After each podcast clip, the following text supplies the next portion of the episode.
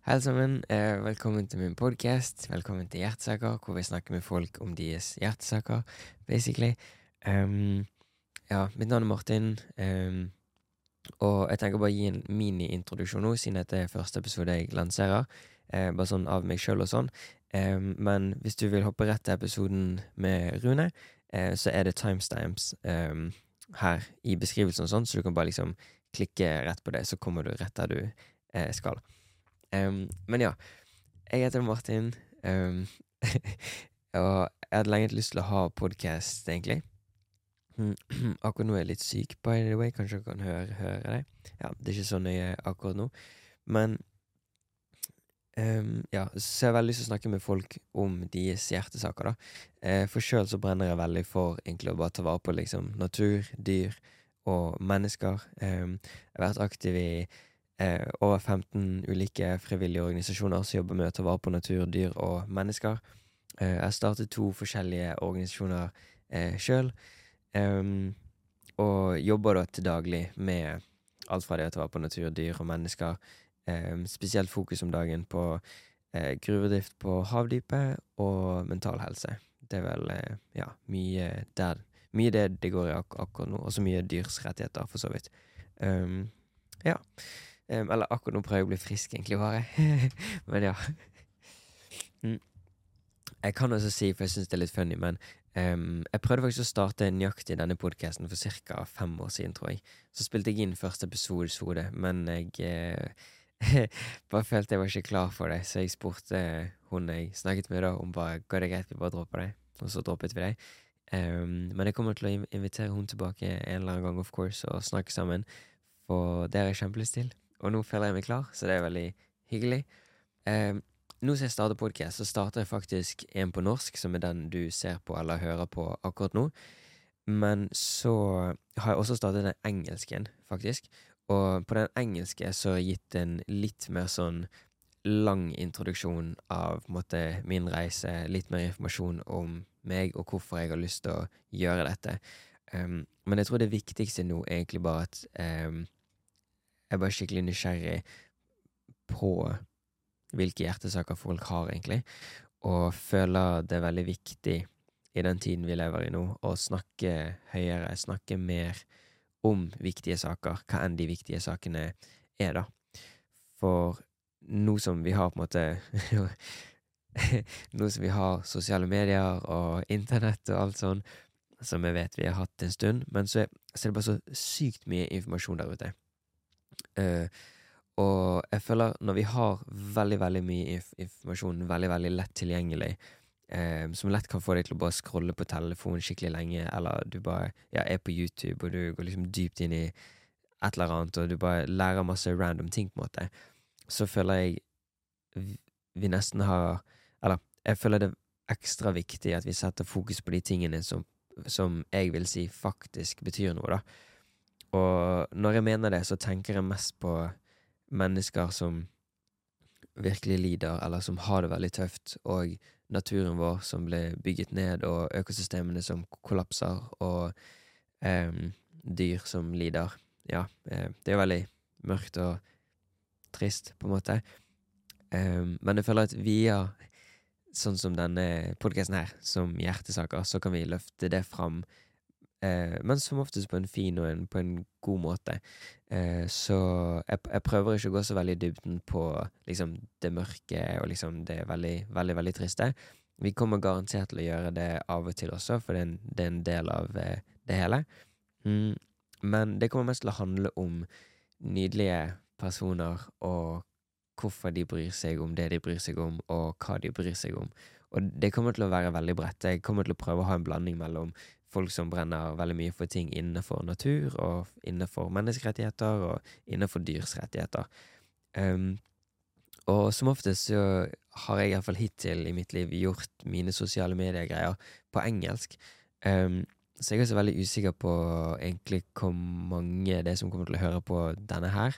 Så hvis du er en av de som hører på denne podkasten, eller som ser på, um, så gjerne gi litt tilbakemeldinger, og kom gjerne med tips hvis det er noen spesielle mennesker du har lyst til jeg skal snakke med, eller noen spesielle temaer du føler vi må snakke mer om. Da, ja, um, mm, da er dette virkelig plassen for det.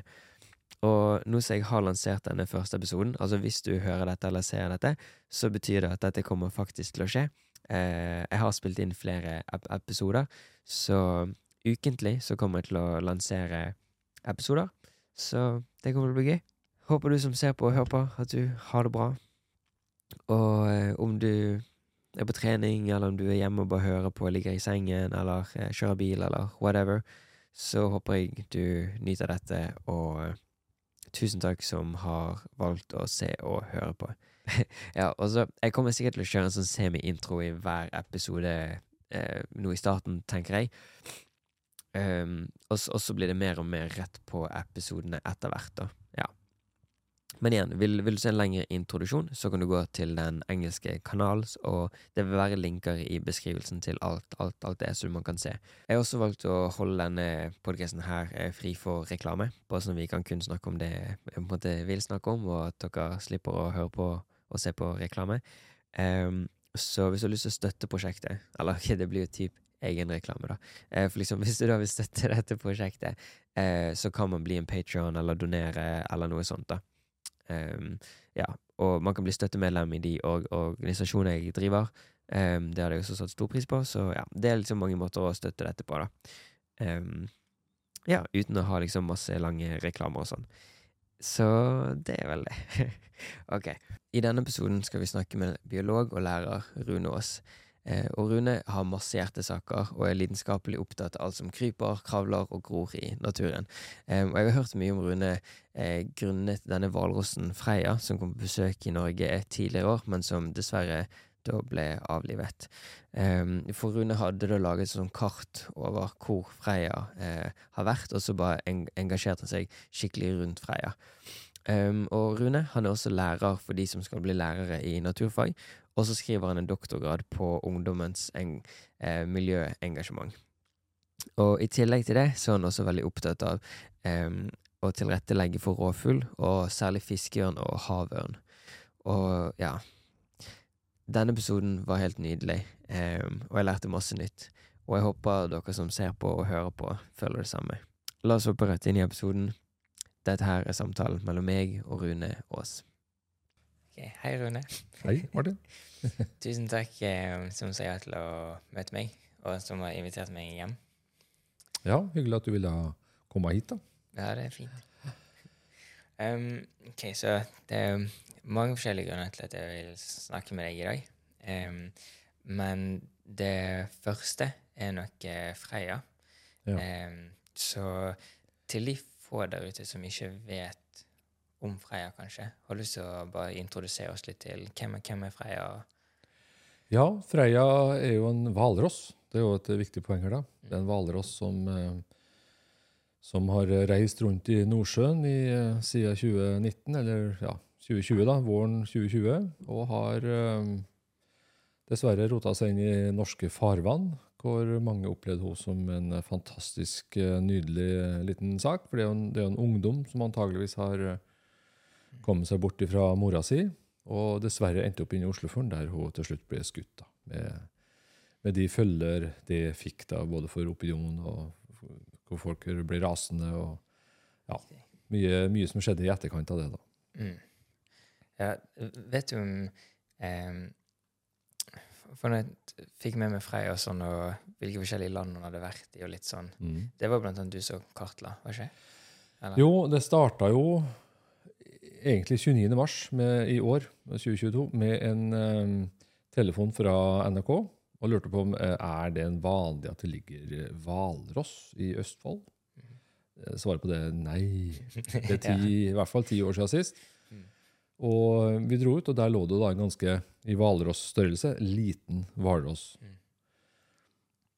Eh, Den var så karakteristisk at eh, her tenkte jeg at her her er det mulig å, å um, altså backtracke, altså se tilbake i tid.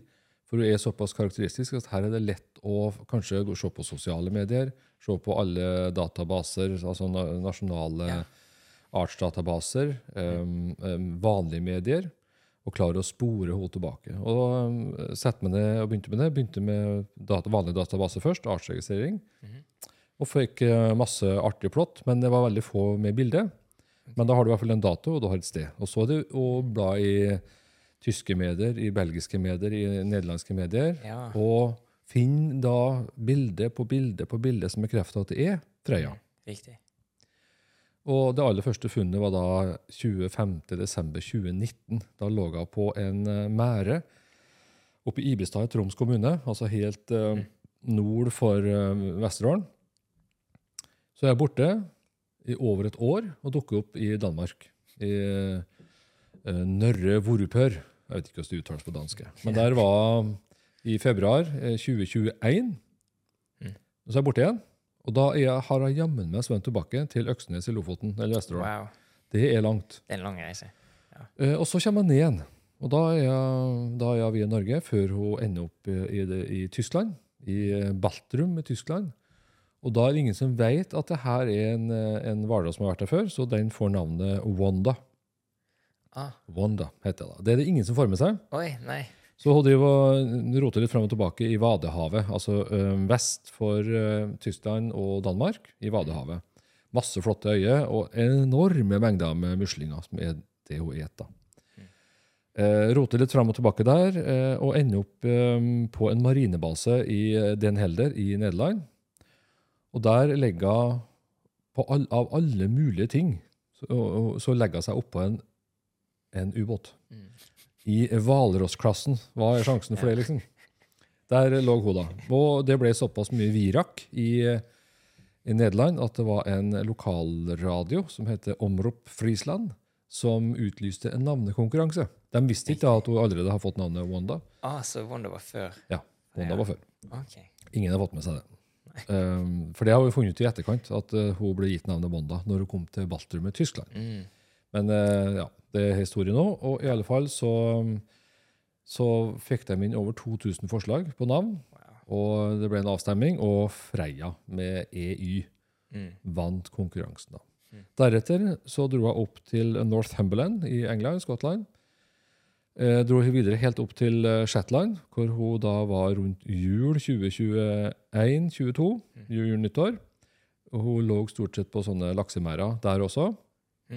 Før hun kom bort, og dukka opp i eh, februar igjen i 2022 i Danmark, i Hvite Sande. Der Mm. hun, veldig nært der hun var over et år tidligere. da.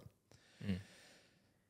Så karrer seg sakte, men sikkert eh, nordover, ender opp i Herning og krysser etter hvert over til uh, Sverige, hvor hun da kommer um, 11., 10. eller 11. mars 2022 til Smøgen i Sverige. Og da dukka det opp en melding, for jeg er med på sånn eh, fuglevarslingsgruppe når det er en sjelden fugl. Ja. Både Norge og Sverige. Sånn bombevarsler, som det heter da. En bombe er jo en sjelden fugl som kommer Mm. til, til et sted Riktig. som ikke skal være der. Mm. Og um, det viste seg det at eh, det går rykter om at det ligger en hvalross i Smøgen. Mm. Uh, ryktet nå som karrer seg så vidt over til Østfold, Mm. hvor vi har sett nå da. Um, og så er den borte igjen. Den var der i, fra eh, 10. til 14. mars. Okay. Så dukker det opp en eh, hvalross på Tjøme. Det er ingen som får med seg, bortsett fra én som filmer en liten snutt av en hvalross som svømmer attmed ei brygge i, Mm. på Tjøme. Hvor er Tjøme, forresten? Tjøme er Vestfold. Ok, det er rett der borte. Det er på andre sida av fjorden, ja. Okay, ja. ja. Og, og det kommer en liten notis i Tønsberg Blad. Mm. Mm. Vel strek under 'liten', det er så vidt det står noen ting. Inntil hun havner da på um, brygga i Skjeberg marinesenter. Skjebergkild marinesenter her i Østfold. Okay, ja. Og det er da det egentlig tar av. ja. Da, da begynner hvalfartinga til eh, Freia. Mm. Og deretter så er hun kun i ytre Oslofjorda. Hun tok seg også en tur ned til eh, Lindesnes, og da hadde vi håp om at nå, nå har hun skjønt det. Nå skal passere Lindesnes, opp forbi Bergen Mm. og opp til eh, eh, Svalbard, der hun kommer fra. Så snur hun, Mm. dessverre. Og det ble hennes skjebne. da. Hun snur Ja. og drar inn igjen, inn i Oslofjorden. Ender opp da helt innerst i uh, attmed Bygdøy. Mm. eh, og driver og roter litt fram og tilbake der, og ned i Asker og Bærum og litt forskjellig. Og da ender opp da og blir skutt da 14. august Mm. inne på, i marinaen, ved Kongens marina i Oslo. Heftig. Vet jo om eh, liksom måten det ble håndtert på og sånn, og er, er det noe som har skjedd før? Er, liksom, er, er dette sånn vi liksom håndterer eh, dyr, eller er, var, det, var det den riktige måten, tror du? Eller jeg har litt, veldig ja, kunnskap om sånn. Så. Eh, det er mye å si om avslutningen, men jeg, jeg kan spole litt fram, eller litt Ja. tilbake igjen, fordi at uh, en av årsakene til at jeg ble eller at jeg kobla meg på, Ja. var jo at eh, Nå husker jeg ikke helt årstallet, men jeg tror det var 2013. Mm. At det kom en hvalross til Kristiansund Ja. som eh, noen oppfatta som syk. Ja, Og når dyr er syke i Norge, så er, har vi ingen tradisjon for å ta det inn, altså i hvert fall ikke offisielt. Mm. Det er avliving som gjelder Ja, når du er syk. Syk, okay. avliving. OK. Ikke hjelp. Nei, ikke hjelp. Det, og det er en av Det kan vi sikkert snakke litt mer om, men det er en av Mm. Norges store svarte hull, er hvordan vi håndterer sykt, vilt liv. Ja. Spania har jo 60 viltsykehus. Oi. Danmark har, Sverige har. Altså alle har, ikke Norge. Nei, seriøst? Så her er det kun basert på et uh, privat initiativ. da. Eller private initiativ i flertall. Eh, og masse regler som gjør at du ikke får lov, egentlig. Mm. Og, og viltnemnda får stort sett bare støtte til å avlive, ikke for å fange inn og hjelpe. Så det, det er et av våre virkelig sorte hull, så er det Ja. hvordan vi håndterer skadd og sykt vilt liv. Ja, I Norge er tradisjonen tradisjon avliving. ok, vi kan gjerne bevege oss inn på det. Eh, Ja, vi kan ta mer om det. Men iallfall um, Ja. Eller. Det, eh, jeg var litt oppmerksom på det. For at jeg, jeg kjenner jo til Vi vi har jo tatt inn fugl i årevis som er skadd, og Ja. som blir som for langt avliva. Vi har jo også hatt noen runder med oljesøl, hvor vi nå ikke får lov til å vaske dem fri for olje. De skal avlives istedenfor. Sjøl om eh, forskning viser at jo, de klarer seg jo. Og vi har jo, vi har jo flere eksempler på arter så- eller individ som vi har vaska, som vi har sluppet løs, og som kommer tilbake neste år og får unger. Så herre tåler dem helt fint, men nå er det forbudt. Og igjen, det er et nytt sort hull. OK, ja. Så det var med det som bakteppe at uh, hvis noen nå kommer til å påstå at eh, Freya er syk Nei, hun er ikke syk. Dette er hvalrosk atferd. Mm. Så årsaken til at de opplever hun som syk, er at hun Det er en hund, da, for øvrig. Mm. det som jeg allerede nevnt, det at hun eh, som hvalross bruker å etter ha spist, ligge og sove i opptil 20 timer. Mm. Og så, og så spiser jo hvalross på en helt spesiell måte. De står opp ned i vannmassen. Sånn at, for dere støttennene er jo i veien. De brukes ikke til, til å spise. Så de står rett og slett opp ned. Bare det i seg sjøl er jo ganske krevende. Mm. Så tar de munnen full av vann og spruter med høy kraft ned i mudderet for å blåse rein sanda bort fra, sand, muslingene. Pluss at de bruker loffene. Og det her blir jo forferdelig grumsete, så skjer jo ingenting. Og da kommer denne fine barten, som da er så følsom og leter seg fram Ja. til muslinga. Og der står hun da, altså da kanskje to-tre ganger i løpet av et døgn og et um, 5000-6000 muslinger per dag. Wow. 50-60 kilo. Så det er enorme mengder. Og det krever da lang hvile etterpå. Mm. Og da blir det også litt sånn rødsprengt i øynene.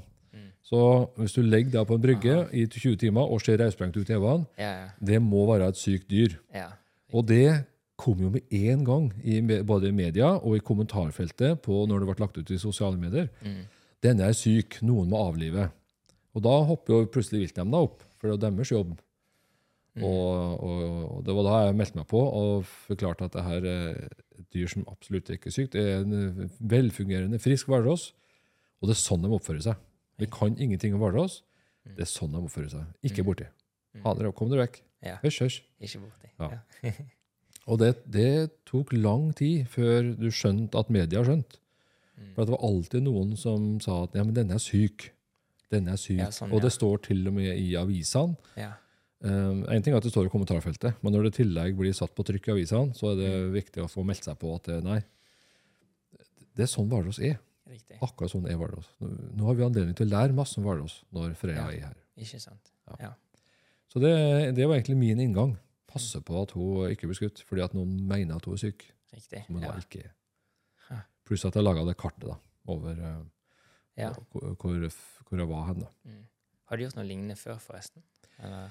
Nei, altså, jeg, jeg, jobber jo med, jeg jobber jo med satellittelemetri på fiskeørn. Så jeg har jo Ja. jeg har satellittmerka 11 fiskeørn, så jeg kan mye om både kart og, og kartfesting. Mm. Og, øh, men jeg har aldri laga til Vardås. Fordi at det har ikke vært noe Nei, nei. her. da. Men da, etter at jeg laga Frøya, så laga jeg også til Stena, for det kom, jo, det kom en Vardås til. Også en hund. som er også, bare, det, bare det at en hund er sjelden. Nå kom det altså to. Oi. Og den eh, klarte å kare seg inn mellom Danmark og Sverige og inn i eh, Østersjøen. Okay. Der er ikke noe mat, så hun døde av sult, dessverre. Okay, Ja. Men de to var her samtidig. ja. Eh, så jeg laga også et kart eh, av eh, hennes tur. Pluss at jeg fullførte Wally sitt kart, for han var i eh, vestkysten av Wales, England, sommeren 21. Og gjorde egentlig veldig mye det samme som Freya, nemlig la seg på båter, var litt i veien. De klarte å håndtere det her helt glimrende, så den dro Ja. tilbake til Island og tilbake til flokken sin på Grønland. Ah, Så de fikk, det- dem fikk dem til, Ja. men ikke her. Så eh, jeg laga flere kart. Og så kom det jo Waldorf, som eh, kom da nå i høst, opp i Lofoten-Senja-området. Så jeg Ja. laga et kart til den. Wow. Men den forsvant. Så den, eh, den har sikkert da svømt til havs, eller kanskje Ja. svømt nord igjen. da. Eller kanskje komme inn på kart igjen. Ja, vet du hva, det kan jo godt hende. Vi så jo det at eh, fra første til andre funn av Freya, så var det Mm. over et år.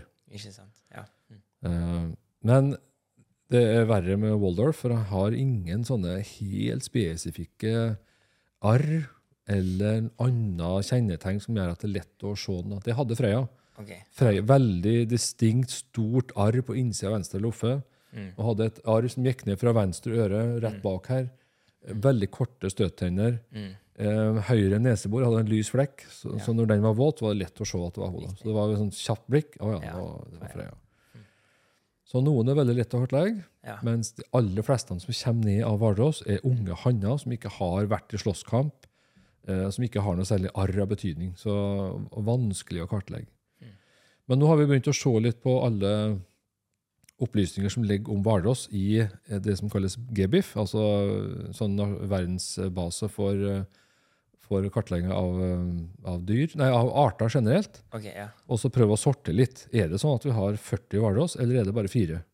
Mm. Alle de plottene. Det er ikke noen streker vet du, mellom sånn, plottene, ja. så det er bare Ja. enkelt plott. ja. Så prøve å få rydda opp litt i det, for å, for å vise hvor mange Hvalross som faktisk er her. Er det 40? Ja. Og og bare på Frøya har vi 88 plott. Ja. ja. Og det kan jo se ut som at det er 88 Hvalrosser, men det er bare én. Riktig. Så, og Ja. det, kan jo, det kan jo være viktig rent sånn forvaltningsmessig, at du faktisk ser Ja, hvor mange som er her. Ja. Så at du får inntrykk av at vi invaderes av hvalross. Ja, Men så er det bare én eller, eller to eller tre. Da. Så vi driver og lager en artikkel sammen med en tysker på det da. Ok, kult. Som kommer ut om ikke Ja. Ja. Det, det tar litt tid å få rydda opp denne databasen. For det, det er så mange plott uh, uten bilde. Men da får vi gå på dato, også på beskrivelse, og kanskje da gi over til medier. da. Er dette spesifikt for Hval- Hvalross? Ja, det er veldig spesifikt. For hvalross. Det er langdistansetrekkere. For uh, du kunne gjort det på hval òg, men det er nesten Ja. umulig. altså. Da må du se finnen som reiser seg opp, og se tegninger på finnen og sånn. Eller, eller halefinnen. Ja. Men det er så krevende at det har ikke jeg begynt med. Det Nei, får andre ordne med. Det er en stor jobb, men det synes hvis dere gjør det først for Hvalross, så er det sikkert Ja. inspirerende for andre. liksom. Ja. Ja, særlig når vi får eh, kanskje begynt å gi ut litt informasjon eh, skriftlig også, da. For da er det lettere at det, at det sprer seg. Ser den. Ja. Og ja, du nevnte det med Hvilke ørn var det, sa du? Fisk- Fiskeørn, ja. Ja. Som jeg, som jeg jobba med siden 2007 i alle mulige Ja. varianter. da. Så nå eh, Det begynte jo bare med vanlig kartlegging. Altså hvor mye okay. fiskeørn har vi her. Ja. Den var jo når den ble freda i 1962, så var det fire kjente par av fiskeørn i Norge. Altså fire. Altså, De tenkte jo at den var utrydda. Wow. Ja. Men nå er vi oppe i 400. Men det, det går sakte, altså. Det går okay. sakte. Det her var jo 62, ja, så det er jo eh, 60 år siden. Ja. Uh, og det er oppe i 10, vi er oppe i 100-gangen, men Ja. uh, vi satser på at det skal gå fortere og fortere. For nå uh, har vi skjønt, nå har vi knekt den der fiskeørnhekkekoden. For det, det, er det er ikke mangel på fiskeørn, det er ikke mangel på mat, men det er mangel på gode hekkeplasser. Aha. Så, og det er jo bare egentlig analog til, til fuglekasse. Vi, vi henger opp en meisekasse fordi at eh, flaggspetten har ikke, har ikke noe sted å lage hull lenger. Nei, Så da må vi komme inn riktig. og erstatte det flaggspettehullet med en, en meisekasse. Mm. Så vi bare har skalert opp meisekassen og laga den litt flat. Ja. Så lager vi en hekkeplattform som fiskeørna kan hekke på. da. Og det har jo tatt helt av. Ja. Så vi har jo satt opp 154 plattinger og 65 tatt i bruk bare på ett år. Wow. Så det herre blir, herre blir artig. Herre blir Det er veldig artig. Ja, for det, for, altså, det er kanskje de som eh, hører på eller eh, ser på, se. Men for utenfor her, på parkeringen din, så har du liksom mange sånne plattformer som skal opp i Ja. trærne. Nå står det 82 her. 82 stykker. 82, ja. Så det kan bli greit å bli kvitt dem òg. Ta litt plass. Men dem, eh, vi skal begynne i morgen, eh, altså på høstsesjonen. Så vi skal sette opp eh, fire stykker i morgen. Ja, nydelig. Og hvorfor Ok, så sa, sa du 1962? Da Ja, var det 1962. Det, Ok. Um, hvor, hvor var det så få ørner da? Det var, det var den mentaliteten om at alt med krumme klør og krumme nebb og stor kjeft skulle avlives. Altså det, okay, få bort ja. alt av rådyr. Det var som hovedideen. fordi Ja. hvis du får bort rovdyr, så har du mer overskudd av vilt til deg sjøl. Altså den klassiske jegermentaliteten. Okay, ja. Eh, men på sto de store pattedyrene så er det jo for å hindre tap til husdyr. da. Pluss at du får mer elg og mer hjort og mer rådyr. Viktig, Ja. Så det, og, og den mentaliteten henger igjen fortsatt. Du ser det veldig tydelig på når uh, nye, nye jakttider skal settes opp. da, Så er Jeger og Fisk veldig på at de skal også skyte enkelte rødlista arter. Det er jo helt hinsides. Men eh, det henger Ja. igjen, og det henger igjen. Ja, for hvorfor gjør man Altså, det, det er noe det eh, Altså, jeg har jobbet litt med natur og dyr og sånn, på en måte, og, og jeg føler flere ganger at, at det kommer litt opp, da. At liksom Men de er jo rødlistet. Hvorfor kan vi jakte på de da, eller Nei, jeg, ikke spør meg. liksom Vi er jo sterkt uenig i at Ja. det skal jaktes på rødlista arter. Um, og så er det jo er det noe med den der kollektive hukommelsen som vi Etter hvert som vi dør, så, så forsvinner jo den hukommelsen som de som døde, hadde. Mm. For eksempel, det finnes jo et bilde fra 1901 hvor det er altså finnhval. Det er jo verdens nest største hval. Ja. Supersjelden hval. Mm. Uh, og det finnes fire eh, døde hvalskrotter som ligger, som ligger knyttet fast attmed en, en, hvalskips- eh, eller hvalfangerskute. Mhm. Tatt i Oslofjorden. 1901. Mm. Altså Det var masse finnhval ute i fjorden her. Alt borte. Og vi har mista den når alle sammen som levde i 1901, nå er døde. Så det er ingen som husker på lenger åssen det var. Og vi, og vi mister den kollektive hukommelsen, den historiske kollektive hukommelsen. Riktig. Så vi, vi glemmer av hvordan, hvordan det var for 100 år siden, for 150 år siden, 200 år siden. Eh, Gå inn og se på jaktstatistikken til brunbjørn. Det er tusenvis av bjørner som skytes, og nå er det så vidt vi har noen igjen Og i Norge? i Norge. Ja, Og ulv er det samme. Ikke, ja. det er nesten litt flaut Så å si det, men så det, er jo, det er jo en kjempeskrell. Altså vi, Ja. eh, og de som vokste opp på 30- og 40-tallet, så jo enorme flokker med troster. Mm. Det, det er fortsatt en del igjen, men det er jo forsvinner lite sammenlignet med sånn som det var. Så den der kollektive, historiske hukommelsen Mm. kommer bort. Og dermed så flytter vi hva som er normalt. Ja. Når barn og unge går i skog nå, så er det planta granskog. Mm. Det ser jo helt nitrist ut, men det er deres referanse på skog. Ikke sant? Og når de kommer da i å setter forvaltningsapparatet, Mm. så skal de forvalte en skog som de egentlig ikke har filla peiling på hvordan egentlig skal se ut. Mm. Vi har mista den kollektive historiske hukommelsen på hvordan det skal se ut. Kollektive historiske hukommelsen. Riktig. Ja. Og da er vi tilbake til eh, når vi skal lage en- både Røylestad og vi skal lage nye jakttidsforskrifter. Hvordan var det det egentlig så ut for 100 år siden? Mm. Er det dit vi vil, eller skal vi leve på et helt ned på et eksistensminimum og skyte på de få individene som er her? Mm.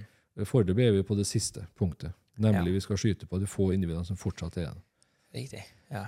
Eh, helt hinsides, spør du meg, men, eh, men eh, vi jobber stadig for å få endra på det. Så bra. Mm. Når du sier vi, hvem er Det er vi som er glad i fugl og natur, uten at vi skal absolutt ta livet av det. Og, Ja. og særlig, særlig på fuglesida er, det jo- Ja. er det jo BirdLife Norge, da, som er Ja. primus motor. Mhm.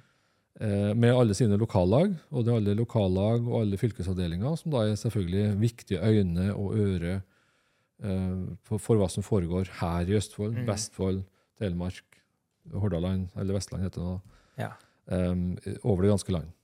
Og, Mm. Og, og Birdlife er jo hele tida på og prøver å få minst mulig jakt på egentlig samtlige arter. Riktig. Er, er det de som har hagefugltellingen òg, eller er det noen andre? Det er de som har Ja, det de. hagefugltellingene. Og det er jo faktisk en praktisk ting som de som ser på og hører, hører på, kan ta nytte av eller være med på, tror jeg. Ja, eller? det er jo sånn eh, det vi kaller for citizen science. Altså at hvermannsen er med å registrere eh, arter. Jeg tror det siste helga i januar. Ja. Og så har du første helga i februar som sånn reservehelg, hvis det ikke funker. da. Okay. Det er en upresis metode. Det, må, det er viktig at Ja, vi poengterer. Men, eh, men eh, lagt til side denne upresisheten, så får du likevel et eh, glimt inn i hvor mye fugl som til enhver tid finnes på de ulike fôringsplassene. Og vi har vel sett det at det finnes en del feilregistrering. Mhm. Men om du teller én eller fem kjøttmesser for mye eller for lite, det spiller ikke noen rolle, for det her er det de grove trekkene vi er interessert i. Mm. Og sjeldenheter skal du alltid dokumentere. Så hvis det er en sjeldenhet, en amerikaner som har flydd over og sett og beite her, Mm. ja, da må du ha bildene. Og har ikke du det, så, så blir det en, et underkjent funn. da. Ok, Så det blir ikke registrert, på en måte? Eller? Ja, Du kan registrere den, Ja. og da er det krav om at du skal ha bildene. Riktig. Og har du ikke god dokumentasjon, Ja. så blir den tatt ut igjen. Ok, For ja. det, det er såpass strengt med, med sjeldenheter. da. Okay, ja. ja det er Men den, eh, sånn som her teller vi jo fugl eh, Mm. eh, den lørdagen og søndagen. Og du skal ikke summere, selvfølgelig, men du skal bare telle det, antall, det høyeste antall du har til enhver tid. Ok, Så teller du fem kjøttmeis, så kan du ikke legge på de fem som du får neste dag også. Nei, så sånn, det blir ja. Nei, nei. Det går ja, ikke. Det, det er til enhver Ja. tid høyeste antall. Ja, det jeg blir sånn smådistrahert nesten, for jeg ser sikkert sånn jeg vet ikke, 15 minutter. Å, et ekorn! Å, et ekorn! Ja, Vi har hele Ja. ekornfamilien her, så i går så satt ungene og, okay. og spiste ned på fôringa. Så her, oh, her fôrer vi fra tidlig august til eh, ja, slutten av mai. Når Ja. fugleungene begynner å komme, da avslutter vi, for at de, eh, Ja, de er veldig fort utsatt for å bli tatt av katt. Okay, Og ungene er tregere og uerfarne, så da avslutter vi fôringa, som gjør at de da, og da har det kommet masse insekter og, og blomsterknopper og, og vanlig For fuglene eller ekornet?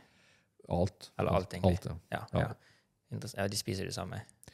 Eh, ja, eh, de spiser jo større ting. Eh, Altså. Ekornet men de spiser jo fortsatt borti nøtter, og de kan jo spise unger og egg i tillegg Også, da. Ja.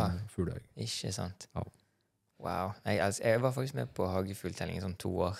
Ja. Jeg var sånn 16-15 år eller noe sånt, greier, husker jeg. Og da husker jeg vi hadde, hadde sånn ekornfamilie eh, der vi bodde, da. Så det var kjempekoselig. Og, og dem skal faktisk registreres på, Ja, på skal det, sant. hagefugltellingen. Så- Lista så står det ekorn igjen. Riktig. Ja, jeg tror jeg, jeg tror jeg gjorde det. Jeg husker første gang jeg så et ekorn i hagen, så løp, løp jeg inn til pappa, og så var jeg sånn eh, eh, Ja, basically bare liksom sånn Sånn, pappa, pappa, sånn Vi har ekorn i Norge! Ja, i, i og, han, Norge. og han bare sånn Ja. Ja.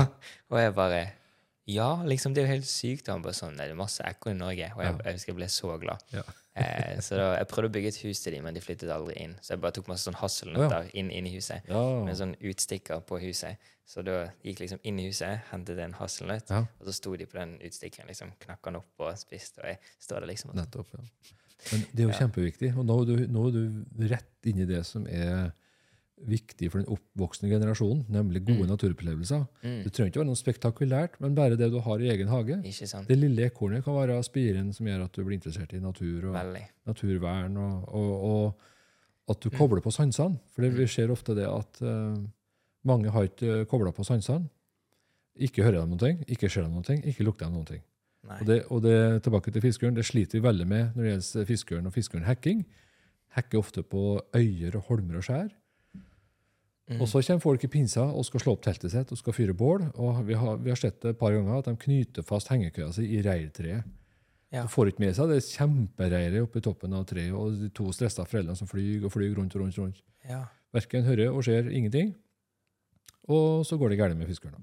riktig. Og det er vi um, litt lei av. Mm. At, at sansene ikke er kobla på. Naturen er bare en, en kulisse for egen opplevelse, Mm. uten at du tar hensyn til den naturen du faktisk er å besøke. da. Mm. Um, og særlig på hekkende fugl er, er det superkomplisert når folk, alt skal ut i påska og pinsa. Særlig pinsa er veldig utsatt, for da, har, da legger de på egg, Viktig. de aller fleste artene. Når vi, når vi underviser i friluftsliv, så prøver vi også å inkludere natur og naturopplevelser og ta hensyn til naturen. Da. Mm. Vi hadde et eksempel her hvor det var noen som hadde, altså var veldig god på friluftsliv. da. Kjempegod. Og hadde satt opp uh, lavvoen sin. Um, strålende satt opp, selvfølgelig. Stram og fin og, Mm. og slått leir, og alt så bra ut. Og så, um, og så kommer jeg bort til herrene og så lurte jeg på om ja, er de, er de fornøyd nå. Ja, nei, det her er ja, nei, fin, veldig fornøyd med lavvoen.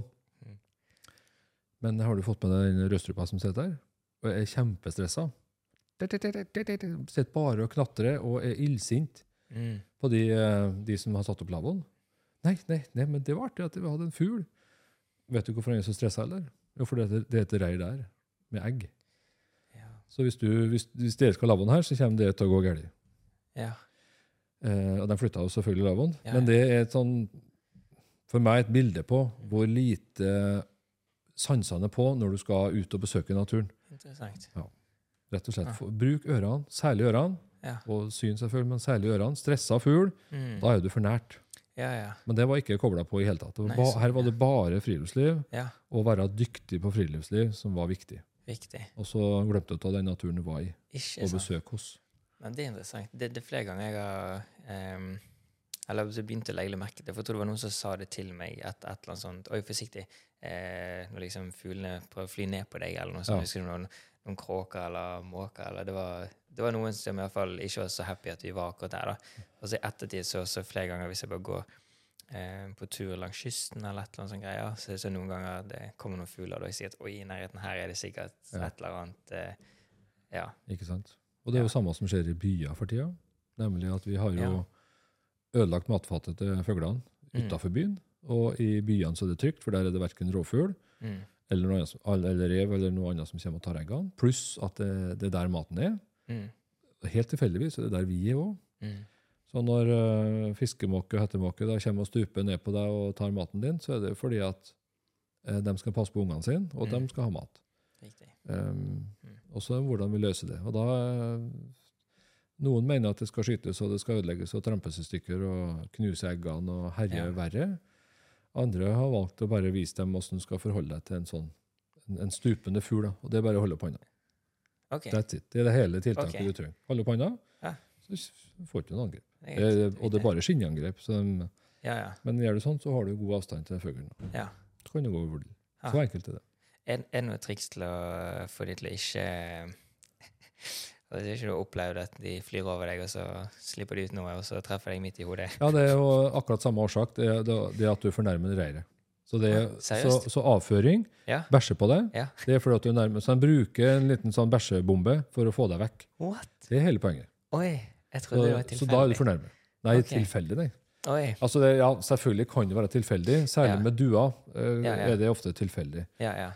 Men de er jo så mange. Når du først er samla, Ja, ja. så er det jo 100-150-200 er duer. ikke sant. Så det er tilfeldig. Men hvis en måke Ja. uh, kommer og stuper og bæsjer på deg, så er det helt bevisst. Wow. De bruker det som en strategi for å ha deg vekk. wow. Og mange arter gjør det. For en strategi. Slanger gjør det, biller gjør det. Eh, mengder med fugl gjør det. Wow. Så lage ugreie som gjør at du ikke har lyst til å være der. Ser den. Ja. Jeg er glad vi mennesker ikke tok den taktikken. Det er fint. Ja, det hadde sett litt rart ut. Det er det. Ja, vi har på oss parfyme istedenfor. For å Ja. tiltrekke oss. Ikke sant? Ja. Ja. For det gjør de også, men på en annen måte. Ja. Interessant. Mm. Ok, men ja, så disse eh, den, den, sånn svarte hullene og sånn, og skal vi gå litt inn på det, kanskje? Vi kan eh, spole litt tilbake til hvordan vi håndterer eh, Ja. vilt. ja. I, Mm. og, og da er det kanskje Vi kan ta utgangspunkt i Frøya igjen, da, som ble ja. avliva fordi at vi ikke greide å håndtere Altså, det er flere årsaker, selvfølgelig. Eh, vi kan spole litt tilbake til eh, t- eh, 12. august. Okay. Det, den, eh, 11. august. Det var den dagen det kom en film på, på medier hvor det viser tre som driver og svømmer, og så dukker Freya opp bak. Mm -hmm. det var nok en, eh, en såpass skjellsettende opplevelse for de som har ansvaret, at den dagen etterpå, den 12., så hadde de bestemt seg for at eh, skal avlives. Den 13. Ja. var Freya borte, altså lørdagen. Ja. Uh, hun kom inn 13. Uh, den kvelden inn til Kongens Marina, la seg på Pir 8. Mhm. Der visste havnesjefen at uh, eller marinesjefen, eller kan, hvilken tittel han har, at eh, Freya var der. Det var Ja. satt i gang et eh, system for å få vakthold på. Det var folk i båter. OK. Ja. eh, og holde badende unna. Og hoppa Freya ut fra båten hun lå i, så er det alle mann opp. Eh, og det var et Ja. varslingssystem som var på gang, og som så veldig bra ut. OK. Søndag morgen så mm, ser de da at det kommer en, eh, at det kommer en båt som blir taua tilbake til marinaen. Da hadde de altså da tidlig tidlig på morgenen, før folk har stått opp, skutt Freya i den båten som hun lå i. Ja. Skjært løs eh, båten, taua den bort til andre sida av Oslofjorden og inn i en presenning og kjørte den til Ås på eh, Veterinærinstituttet, hvor den skal da obdu bli obdusert senere. Da. Mm. Og inn på frysa der. Mm. Um, uten å ha sagt fra til noen. Uh, herre hadde Fiskeridirektoratet gjort på egen, egen maskin, selvfølgelig. Det er jo de som for så vidt har ansvaret, men ikke varsla Ja. noen. da. Okay. Sjøl om det var et, system på gang for å berge Freya. Så visste vi at to dager senere var Mhm. fellesferien over. To dager senere, altså tirsdag, Mm. bøtte det med vann. Det står også i meldingene.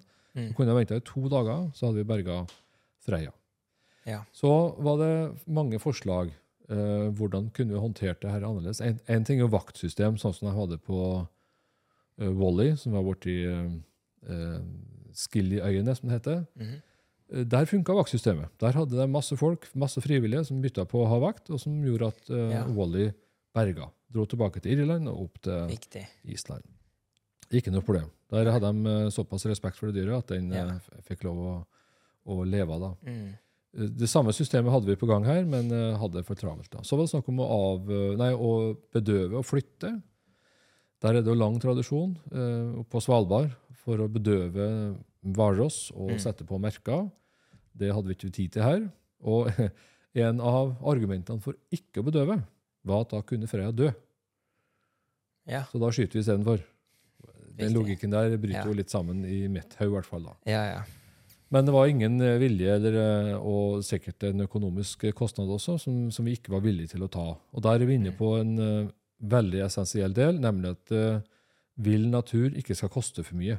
Og koster det for mye, ja, da velger vi heller å avlive og fjerne Mm. og, og få det bort, så at det ikke skal koste oss noe.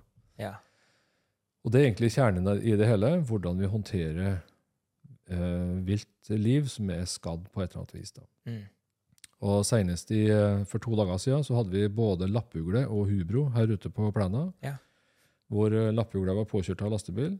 Oh. Den kunne vi ha fått fiksa, men bruddet var for komplisert oppi skuldra, som gjør at det ikke var noe feste i. Okay, Ja. Men hubroen har gått i strøm.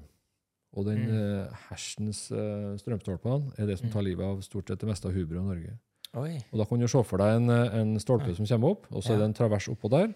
Og så sitter isolatorene oppå, Mhm. og der er det så god plass mellom de tre isolatorene at der kan en stor fugl lande. Ja.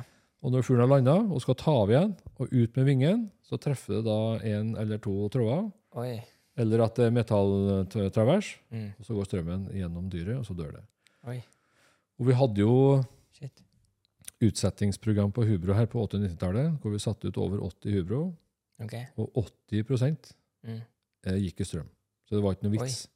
Så lenge du ikke har isolert uh, traversene, eller satt på noen sittepinner som er høyere, eller sånt, så er det ikke Mm. noe vits. Alle går i strøm likevel. Måten vi har bygd strømnettet vårt på, altså lavspenten, eh, det er at det går tusenvis av fugl i strøm. da. Og så er ikke strømselskapene særlig villige til å gjøre noe med det, for det koster penger.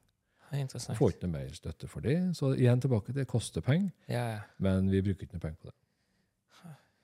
Ja, Det visste jeg heller ikke. Nei, så, så det er den viktigste årsaken til at i fjor så hadde vi bare én eneste hekkende hubro i Østfold. Hvor det egentlig var mange titalls par i Østfold. Og så, og så har vi da bygd ut strømnettet, den lavspenten, Mm. med helt feil byggemåte, hvor Ja. isolatorene sitter oppå traversen Mm. og tar livet av fugl etter fugl etter fugl. Wow. Masse musvåk, fjellvåk har vi funnet langs på sletta her, da. Oi. Som går i strøm, da. Vet du om det har vært noen kampanje rundt dette, eller folk som jobber med dette? Ja. Um, Agder Energi eh, er en av de bedre, så ta gjerne en prat med de. De har virkelig begynt å få det til okay, for å berge hubroen. Så bra. Og det å, å berge det hubroen, Mm. så berger du mye annet også. For hubroen er så stor Mm. at hvis du først har fått berga den, Mm. ja, så, så berger du både fjellvåk og musvåk og hauka og Ja, sånn, ja. ørn som, som bieffekt. da. Men Mm. det, jo- det er jo hubroen som har fått de midlene. Så Ja. ja, det går an. Mm. Ok. Det går an. Men tilbake Ja. til skadd vilt. Ja. Knekt vinge, påkjørt. Mm. Det er kun på private initiativ. Ja. Eh, der har jo serien uh, Villdyrhjerte, som gikk på NRK, seks mm. episoder, handla egentlig bare om det. Mm. Hvordan vi håndterer viltliv, og at det er bare private som holder på med det. Ja. Og kun det. Nå er det en kar i mm, ja, det husker ikke jeg helt, men det var i Stavanger-Sandnes-området, en, eh, en israeler, som har starta et eget viltsykehus. Wow. Men det er på privat initiativ. Det finnes ikke noe særlig støtte å snakke om. Nei, nei. Og ingen veterinærer utdannes jo til å håndtere vilt liv. Og vi har jo sett det at eh, mange av eh, mange veterinærene er gode på pattedyr, men har en lei tendens til å bedøve eh, fugl på en Mm. sånn måte at det dør. Våkner aldri opp igjen. For de okay. skjønner ikke at det skal ha mye mindre Ja, ja. eh, medisiner eller bedøvelse enn en tam fugl. Så det ender med at den dauer. Så det, det er også dårlig kunnskap da, hos eh, Mm. den generelle veterinæren. Hvordan Ja. håndterer. Så eh, jeg ser andre land utdanner viltveterinærer over en Ja. lav støvel og, og er kjempegode på dette. Norge Norge null. Ha. Nada. Så eh, også veterinærutdanningen kan sikkert uh, lære seg mer om det. Men foreløpig er det bare husdyr og kjæledyr det går i. Interessant. Tror, tror du det kommer til å forandres, eller er det Jeg tror det, for det, det, er jo sånn, Mm. det er jo sånn mildt press uh, på at noen skal begynne å ta tak i det. Og særlig han Aviv, Ja. da, som har starta et viltsykehus og er Mm. interessert i å lære seg mer om, om ville arter. Så ser jeg Mm. også blant en del oppvoksende eh, i det, hos den oppvoksende generasjonen at det er flere som har lyst til å lære seg mer om ville arter. Ja. Og du har jo helt sikkert sett på Discovery og andre kanaler de som reiser rundt i Afrika og berger neshorn og elefanter og sjiraffer. Ja. Det er ville arter som Mhm. folk er spesialister på. Mm. Vi har ingen sånn utdanning i Norge. En, en spesialisering på ville norske arter. Ja. Så, så det går an, ja, men det bare tar så uendelig lang tid. Riktig. Og foreløpig så er det bare på privat initiativ. Mm. Og, og mm, lovverket åpner jo egentlig i liten grad for at du kan holde dyret fram til det er friskt. Mm. For etter noen dager så skal du avlive hvis det ikke er åpenbart at det kan. Selv om du, Ja. du vet at det dyret her trenger kanskje et halvt år mm. før det er bra. Men det, det er forbudt. Ja. Så til og med lovverket jobber mot oss. Mm. Så nei, det, det er en del ting, det er en del hull vi må Ja. tette. Altså, særlig det, det med at det er bare det private initiativ som skal, som skal gjelde når du skal ta vare på skadd vilt. da. Mm. Altså, En ting er jo en elg med brokkefot. Den, du får, ikke tak i elgen, du får spjelker. og- Så den, jeg skjønner at det blir avliving. Mm. Men sånn som type igjen Frøya, da, der vi, der vi ikke greide å håndtere publikum, da. Ja. Eh, det var en av årsakene. Eh, så er det avliving som gjelder. Istedenfor i stedet for å få folk bort, Mm. så er det avliving som gjelder. Få Mm. bort det problemet som gjør at vi Mm. ikke får det til. Ja, for sånn For det tenkte mye på. Eh, og nå har du nevnt at det har vært flere hvalross òg, faktisk. For sånn, hva, hva skjer da når liksom, det kommer en hvalross etter Freia som, opp, ja, som liksom oppfører seg litt sånn som Freya. Tror, tror du vi har lært noe, eller er du redd for det samme Ja, skal skje? Ja, altså det skal eller? mye til at vi får en Freya igjen. Fordi at Freya Ja. var utgangspunktet en unge som mista mora si. Okay. Eh, veldig sosialt understimulert. Og, og har vel mest sannsynlig vært lite sammen med sin egen flokk. Eh, for de som normalt kommer ned, er unge hanner som er enten utstøtt eller har utferdstrang eller et eller annet Mm. Annet, som ikke har den derre eh, sosiale trangen, eh, og som er mer sky. Så vi har jo en, eh, ja, en I hvert fall her i Oslofjorden en hvalross hvert tiende år. Mhm. Men det er bare sånne få, eh, få plasser den dukker opp, og så er den borte. Det er ingen som kommer inn i badeplassene våre og legger seg på båtene. Og... Mm. Men nå har vi hatt to. da. Vi har hatt Freia, og så hadde vi Wally, som var på vestkysten av England. Som har oppført seg ganske likt, som er jo ganske nytt. da. Um, og på vestlandskysten så er det jo én, to, tre i året som, Ja. som kommer ned, kanskje ned til Møre, og så opp igjen. Okay, ja. Men ingen av de har den der atferden som Freia har. ja. Så Freya er det første eksemplaret vi har Mm. som virkelig kommer inn på våre enemerker, legger seg på våre båter. Mm. Så det Jeg tror aldri jeg får oppleve en ny Freya her i, i Oslofjorden. Ja. Det tror jeg ikke, altså. Nei. Så, så Freya var nok enestående i Mm. den forstand at hun ble så, uredd Mm. oss, da. Så, men om vi har lært noe eh, Det er ikke noe som tyder på det. Og da er vi igjen tilbake til den generelle måten vi håndterer dyr som er i veien på. Mhm. Og, og foreløpig så, så har vi ikke lært noe, sjøl om jeg ser at presset øker jo på, på de som har lyst til å ta vare på artene. Ja. Og vi ser jo at det er et, eh, et press på skogbruket for å slutte med flatehogst, f.eks. Midt i hekketida, hvor det da flagrer med egg og unger. Mm. Eh, Plantene blir ødelagt, selvfølgelig, og får rekker ikke til å frø seg. Og det, og, det, og det er mye å si om flatehogst som ikke er bra. Um, det er hvordan vi da lager nye jakttidsforskrifter. Uh, der ser jeg at uh, vernesida får større og større plass, heldigvis, Mhm. Spør du meg. Mm. Um, vi uh, ser at det kommer mer og mer midler, for eksempel, uh, og, at, og at veterinærene, de som har røntgenapparat, um, kan gjøre det på sin kappe, at de får dekket det på et eller annet vis. Mm. Så det er en, en saktegående bølge i riktig retning. Mm. Men du som det har kosta tid og krefter. Mm. Men vi ser noen små positive tendenser. Mm. Og det opprøret som kom etter at Freya ble skutt, Ja. det er jo også en, et tegn i tiden på at uh, kanskje myndighetene er i utakt med den opplevelsen eh, folk har av hvordan vi skal håndtere Sånn, ja. viltliv. Da. Vi kan jo også snakke litt om uh, hvordan vi håndterer altså natur generelt, og særlig arter som ikke betyr noe for oss direkte økonomisk. Mm. Og det ser vi jo at uh, det blir jo kronisk nedprioritert, sjøl om i sine flotte taler så, så legger de vekt på naturmangfold og sånne ting, men det er jo selvfølgelig bare tøys. Det, i hvert fall, det står ikke i stil til det naturen krever oss, da. Og den derre eh, ta hele landet bruk, eller ta hele Norge bruk, det er jo eh, direkte feil eh, sammenligna med hva enkelte arter faktisk trenger av omsorg. Det er nemlig å ikke ta landet bruk.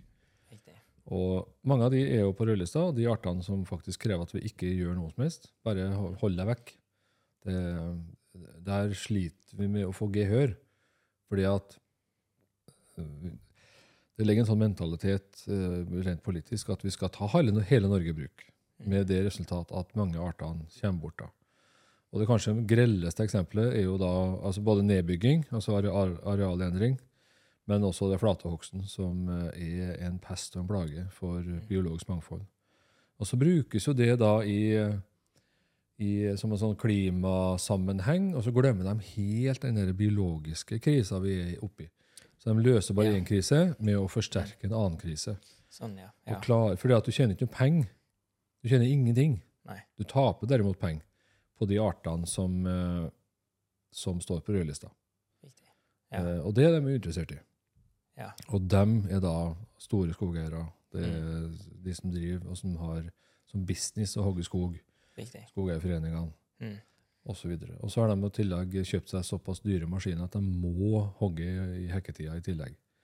Som da er forbudt i de fleste land i Europa. Å hogge i hekketida det er jo helt eh, gale, Mathias. Mm. I Norge og Sverige så gjør de det. Fordi at de har så dyrt utstyr at, de, det må gå hele tida. Altså for å tjene nok penger til å nedbetale utstyr, liksom? Riktig. Ok. Så enkelt som det. Det, er Ja. argumentet, det eneste argumentet jeg har hørt for at de skal hogge i hekketida. Ja, ja. At det må gå rundt, liksom. Det må gå Ja. rundt økonomisk. Men det er jo økonomisk bærekraftig. Men, eh, men biologisk bærekraft er jo, kan jo bare sånn lang marsj etter.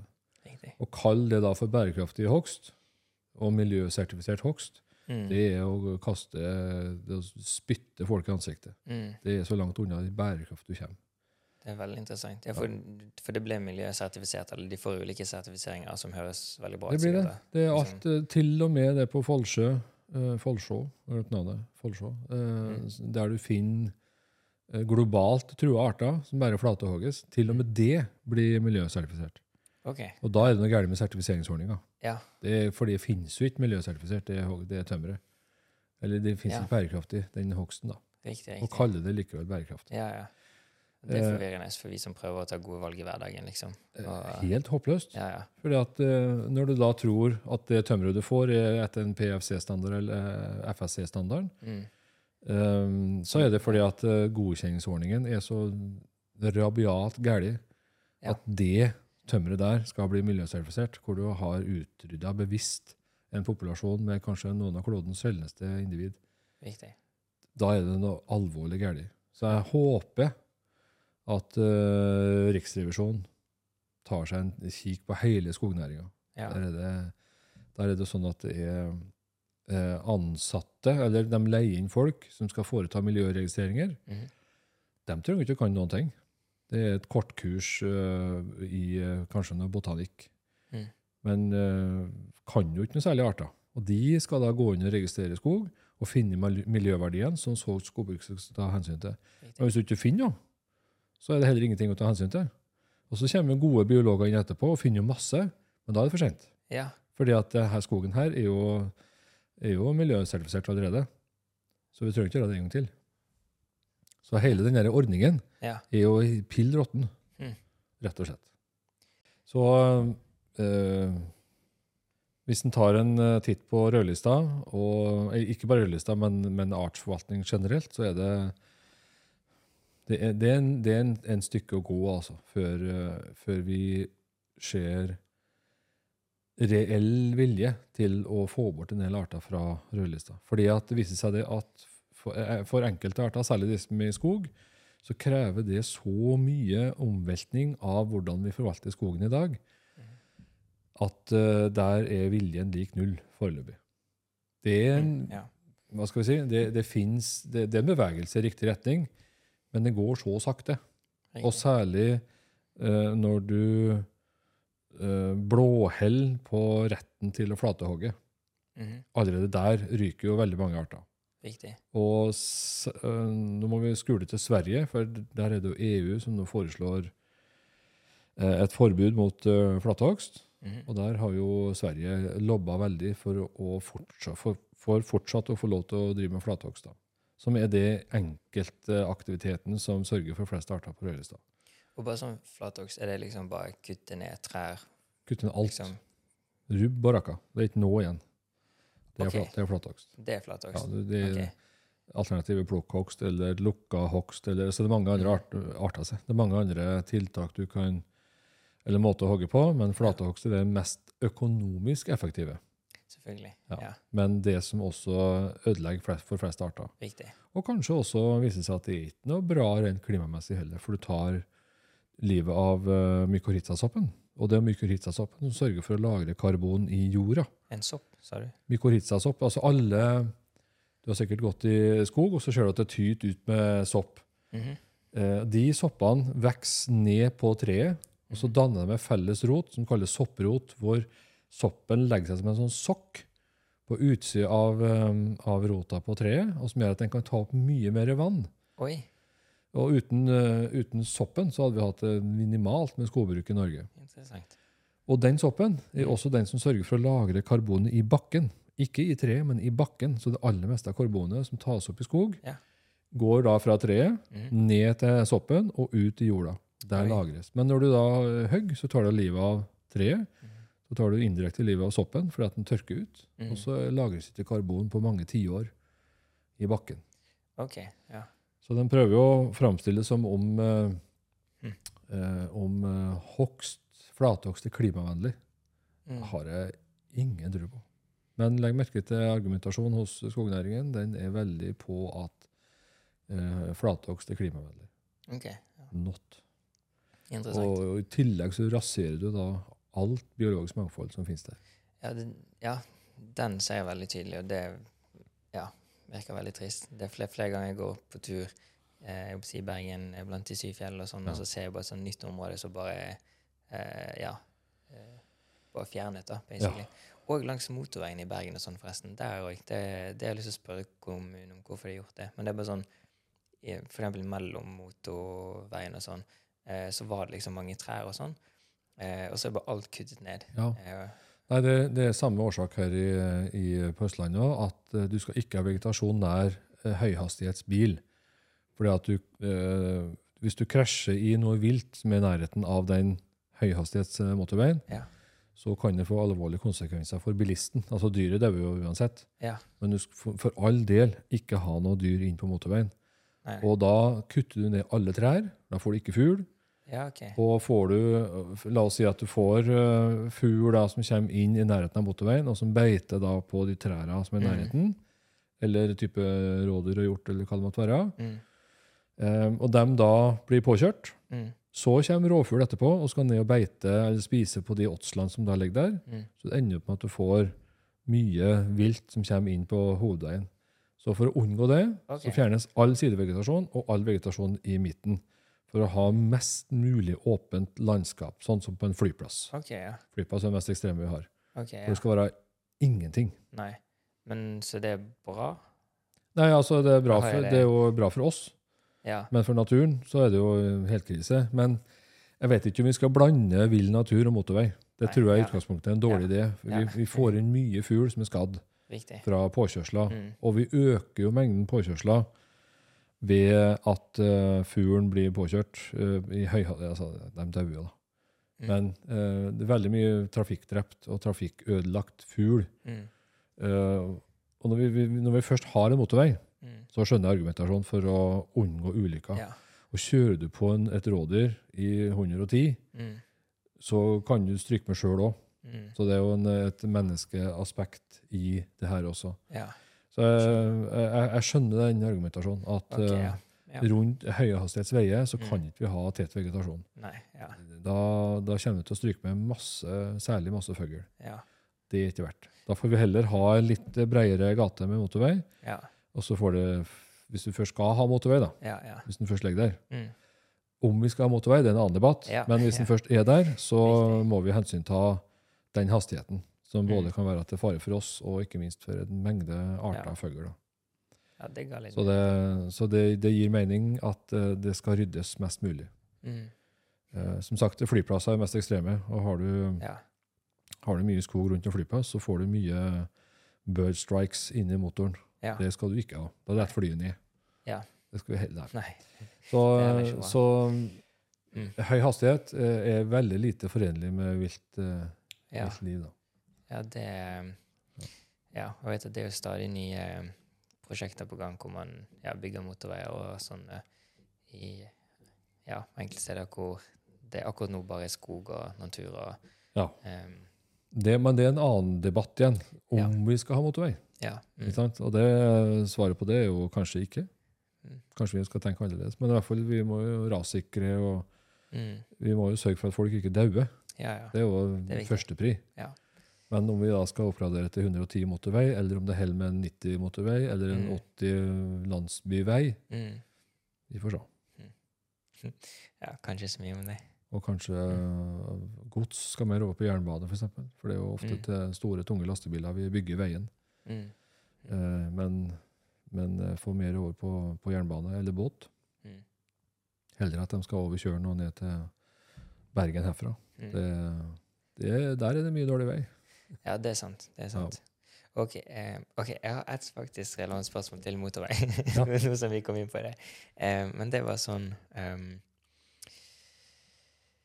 eh, av, av og til så bare tenker jeg sånn at liksom eh, Jeg å gå på tur, og så kommer jeg til et utsiktspunkt, måte, og så ser jeg liksom sånn bare sånn eh, ut i naturen, og så liker jeg å tenke liksom ah, Jeg lurer på hvilket liv som var her før vi liksom bygget alt det vi har bygget og sånn. da.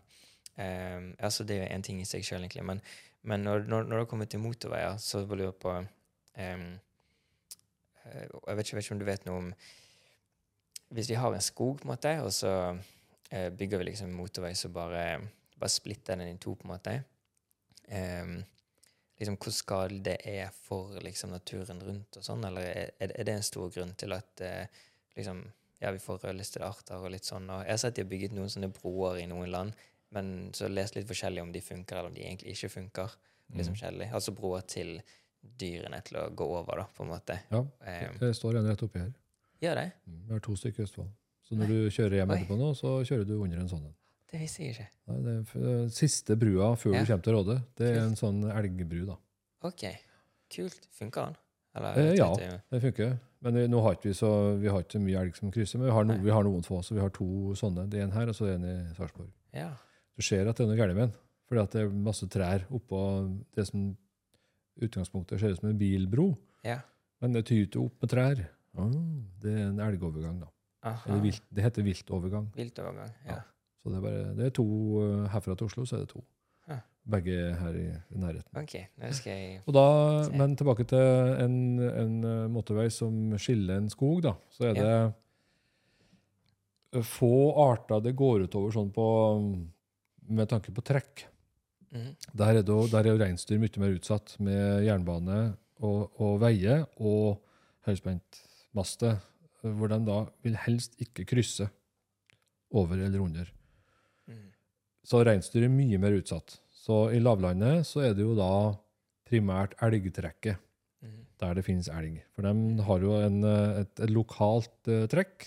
De Mhm. trekker ofte i flokk, i store, små flokker. Um, og Derfor så har vi også to sånne elgoverganger her i Råde, hvor vi har um, dyr som vi vet helt sikkert krysser enkelte områder, og skal da enten opp til Vannsjø eller skal ut til kysten. Og der ligger E6-en imellom. Mm. Så der ble det laga to sånne elgoverganger. da. Så er det jo selvfølgelig gjerda inn på alle sidene, så elgen ledes da inn imot viltovergangen og over på mm. andre sida. Det var hovedintensjonen, men så ser vi da at den er kanskje ikke så mye bruk likevel. At de har endra litt atferd eh, etter at veien ble bygd. Mhm. Men eh, vi slipper i hvert fall påkjørsel, for det er jo Ja. den sikre død. Omtrent både for sjåfør og for elg. Mm. Men, eh, men for andre arter så er det Da må du ned i eh, type salamander og frosk og padde og sånn, som da skal krysse fra en dam til en annen, mm. og så møter de en barriere. Mhm. Da kommer de seg ikke forbi. Eh, fisk, eh, bekkerør er litt det samme hvis du har en ørretbekk. Mhm.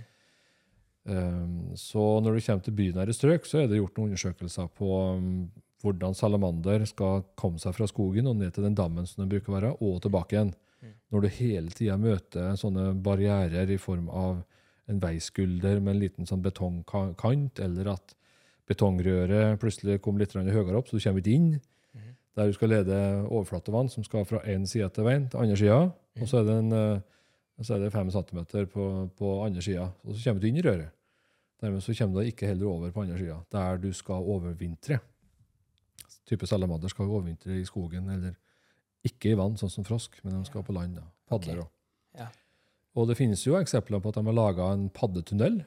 På Vestlandet så har de en paddetunnel der det kommer en ny vei. Ja. Der vet vi det at her skal, eh, skal, frosk, eller skal padda fra dammen der, og den skal inn til den skogen, og midt imellom legger det en vei. Ja. Ok, da lager vi en betongmur mm. langs med veien, og, som da li- litt samme prinsippet som et viltgjerde og en viltovergang. Mm.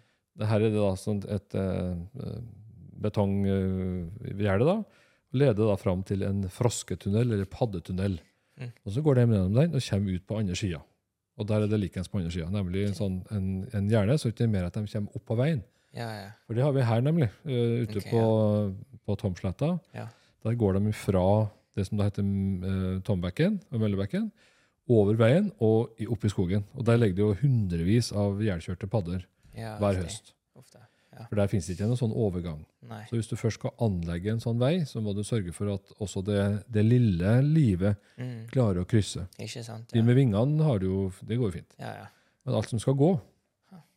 Har det ikke bra. Og har du salamandere, frosk, padde i nærheten, Mm. eller salamandere, padde, ikke frosk, mm. så, så må det være en eller annen mulighet som gjør at de kan komme seg fra en side til en annen side. ja. Ellers så blir det en varig barriere Riktig. Ja. som gjør at de ikke kommer seg over. Ikke sant. Ha. Jeg likte å ha sånn overvåkningskamera inn i den Ja, tunnelen. og det, og det finnes jo. Ja, det? ja da, Vegvesenet har vel satt opp noen kamera på noen av de her, hvor du ser at det faktisk funker og blir kanalisert Ah, det er gøy. Det gjennom eh, tunnelen og ut på andre sida. da. Kult. Så Jeg tror det heter frosketunnel, eller paddetunnel. Ja. Skal sjekke ut det. Ja. Ja. Hvis, hvis jeg finner uh, videoer, så vil jeg enten vise på skjermen nå, eller så til de som ser på, da. Um, eller eh, ta det ned i beskrivelsen, så kan folk sjekke det ut. Ikke sant? Ja, Jeg skal gi deg noen navn etterpå, hvem du kan uh, snakke med. ja det er gøy. Veldig, veldig, veldig interessant. Mm. Em, eh, har du noen andre hjertesaker? Eller nå har du gått gjennom mye Ja, det er jo at eh, nå til skolen Jeg er jo, jeg er jo lærer Ja. også. Og da Ja. er det jo uhyre viktig at den oppvoksende generasjon eh, får såpass mye rom og tid og eh, muligheter til å lære seg mest mulig om natur. Fordi at min filosofi er at det du ikke kan noe om, det bryr du deg også ganske lite om. Mm. Altså, vi, har, vi har jo de som er interessert i natur, men kan ingenting. Men Mm. de har en grunnleggende interesse av å ivareta natur, og det må komme fra et sted. Det er sant. Og det kan være speideren, det kan være 4H, det kan være lokale altså jeger og fisk som er mye ute, og som, som lærer seg til å håndtere natur på et eller annet vis. Da. Altså få folk ut, og, og ikke minst eh, eh, øke antall timer naturfag i skolen. For vi, legger, vi er jo nest dårligst i Europa. Det er kun Albania som er dårligere Mm. på antall timer naturfag i Norge. okay. i, i Europa. Eh, og underprioritert de luxe, og særlig også i, i alle læreverk, så er artslære nesten borte. Du skal ikke kun noe arter. Okay, Og ja. kan ikke noe arter heller, så er det fryktelig mange som driver med forvaltning. Mm. For Du aner ikke hva det heter, så aner ikke hva du skal finne på heller. Nei. Det er ikke noe sted du kan begynne å lese. Vi har en art, vi aner ikke hva den heter, men vi skal ta vare på den. Ja, ja. Ja, men du må jo vite hva den heter, da, ellers så aner du ikke hvor du skal begynne. Nei, nei. Fordi at en, en gråtrost og en svarttrost kan, kan ha helt ulike behov Mm. når du skal ta vare på en art. Mm. Nytter ikke å bare si trost. Det blir for upresist. Ja. Så artskunnskap er, er vi, kan vi bli mye bedre på. Mm. Og gjennom, gjennom å kunne en del om natur, så er min idé at da, eh, da er du mer glad i den. Mm. Og særlig hvis du har gode opplevelser, gode naturopplevelser. Viktig. Så Derfor så har vi selvfølgelig også da, i, når vi underviser studentene, mye naturfag, mye naturopplevelser. Mm. Og prøve å være ute hver dag, uansett. Altså det, eh, det er alltid noe å se ute Ja. som hører med til temaet naturfag. Mm. Og, eh, og da prøver jeg altså å få inn det i skoler og barnehager rundt her. Så vi, for to dager siden så hadde vi en barnehage på besøk som fikk da være med på ringmerking. Og se hvordan det funker, og nærkontakt med fugl, og lære seg masse om fugl. Mm. Og har da plutselig en knagg å henge eh, all informasjon om kjøttmeis på, f.eks. En Mm. helt vanlig norsk fugl. Mm. Nå har ungene sett kjøttmeis og vet hva vi snakker om. Vet hvordan den ser ut. Hvordan skal vi skille han og hun hos kjøttmeis? Mm. Det er selvfølgelig en banal kunnskap, men jeg tenker at alle sånne små drypp er, er viktig i den store sammenheng, Mm. som gjør at de da blir mer glad i å ta vare på naturen. Mm. Det er en av mine kjepphester, nemlig å få folk til å bruke sansene, Mm. bruke øynene, bruke ørene, bruke nesa. Du kan lukte mange arter bare ved å gå ut. Mm. Så det, bare det i seg sjøl er jo helt uh, utrolig. Men, men når du først har fått på, kobla på de sansene, så er du ikke bare en, eh, en, en som eh, bruker naturen som en kuliss, men du er en gjest og en deltaker i naturen. da. Og derigjennom eh, blir flinkere til å hensynta den naturen du er på besøk i, Mm. og, og sørge for å, å, å ta vare på den. Mm. Har, har du noen tips til um, uh, hvis folk liksom vil lære mer om natur? Liksom, altså hva Ja, det å Hva skal vi si? Hjelp til selvhjelp. Eh, Der Ja. finnes det jo en masse apper, type Artsorakel. eh, Det finnes en del fugleapper. mm. Eh, Fuglelyder.nett. eh, Veldig bra til å lære seg fugl. Kvitre. eh, Appen Ja. Kvitre. OK. Um, ja, vi har jo Star Walk, men det er jo stjernehimmel. Men igjen tilbake Mm. til generell naturinteresse. Mm. Men kanskje det viktigste er å bli med noen som allerede kan det. Ja. Altså melde seg inn i foreninger, være med på foreningsturer med Birdlife, med Botanisk forening, med Soppforeningen, med de som holder på med pattedyr, de som skal ut og se på fugl. Det er en, virke, det er en, det er en kjapp snarvei Mm. Inn til å lære seg masse arter. Være med i fjæra sammen med marinbiologer. Ja, det er gøy. Ja. Være med på fiskeri. Altså det er eh, Og får du til det Det går så fort å lære seg mye. Mm. Og da, når du først har lært deg en del eh, arter, så klarer du også å plukke ut alle de nye artene som du ikke kan. For da Mm. kjenner du oh, ja, det, men det er kjøttmeis, men den, den ligner ja men, ja, nei, ja, men da må det være blåmeis. Sånn, For den har du aldri sett før. Men kjøttmeis kan du. Da må det, og du ser at det her er noe annet. Så begynner du å få sånne knagger. Knagg på knagg på knagg. Ja. Til slutt så blir du, så og så blir du mye mer oppmerksom på naturen når du først Mm. begynner å kan en del arter. da. Mm.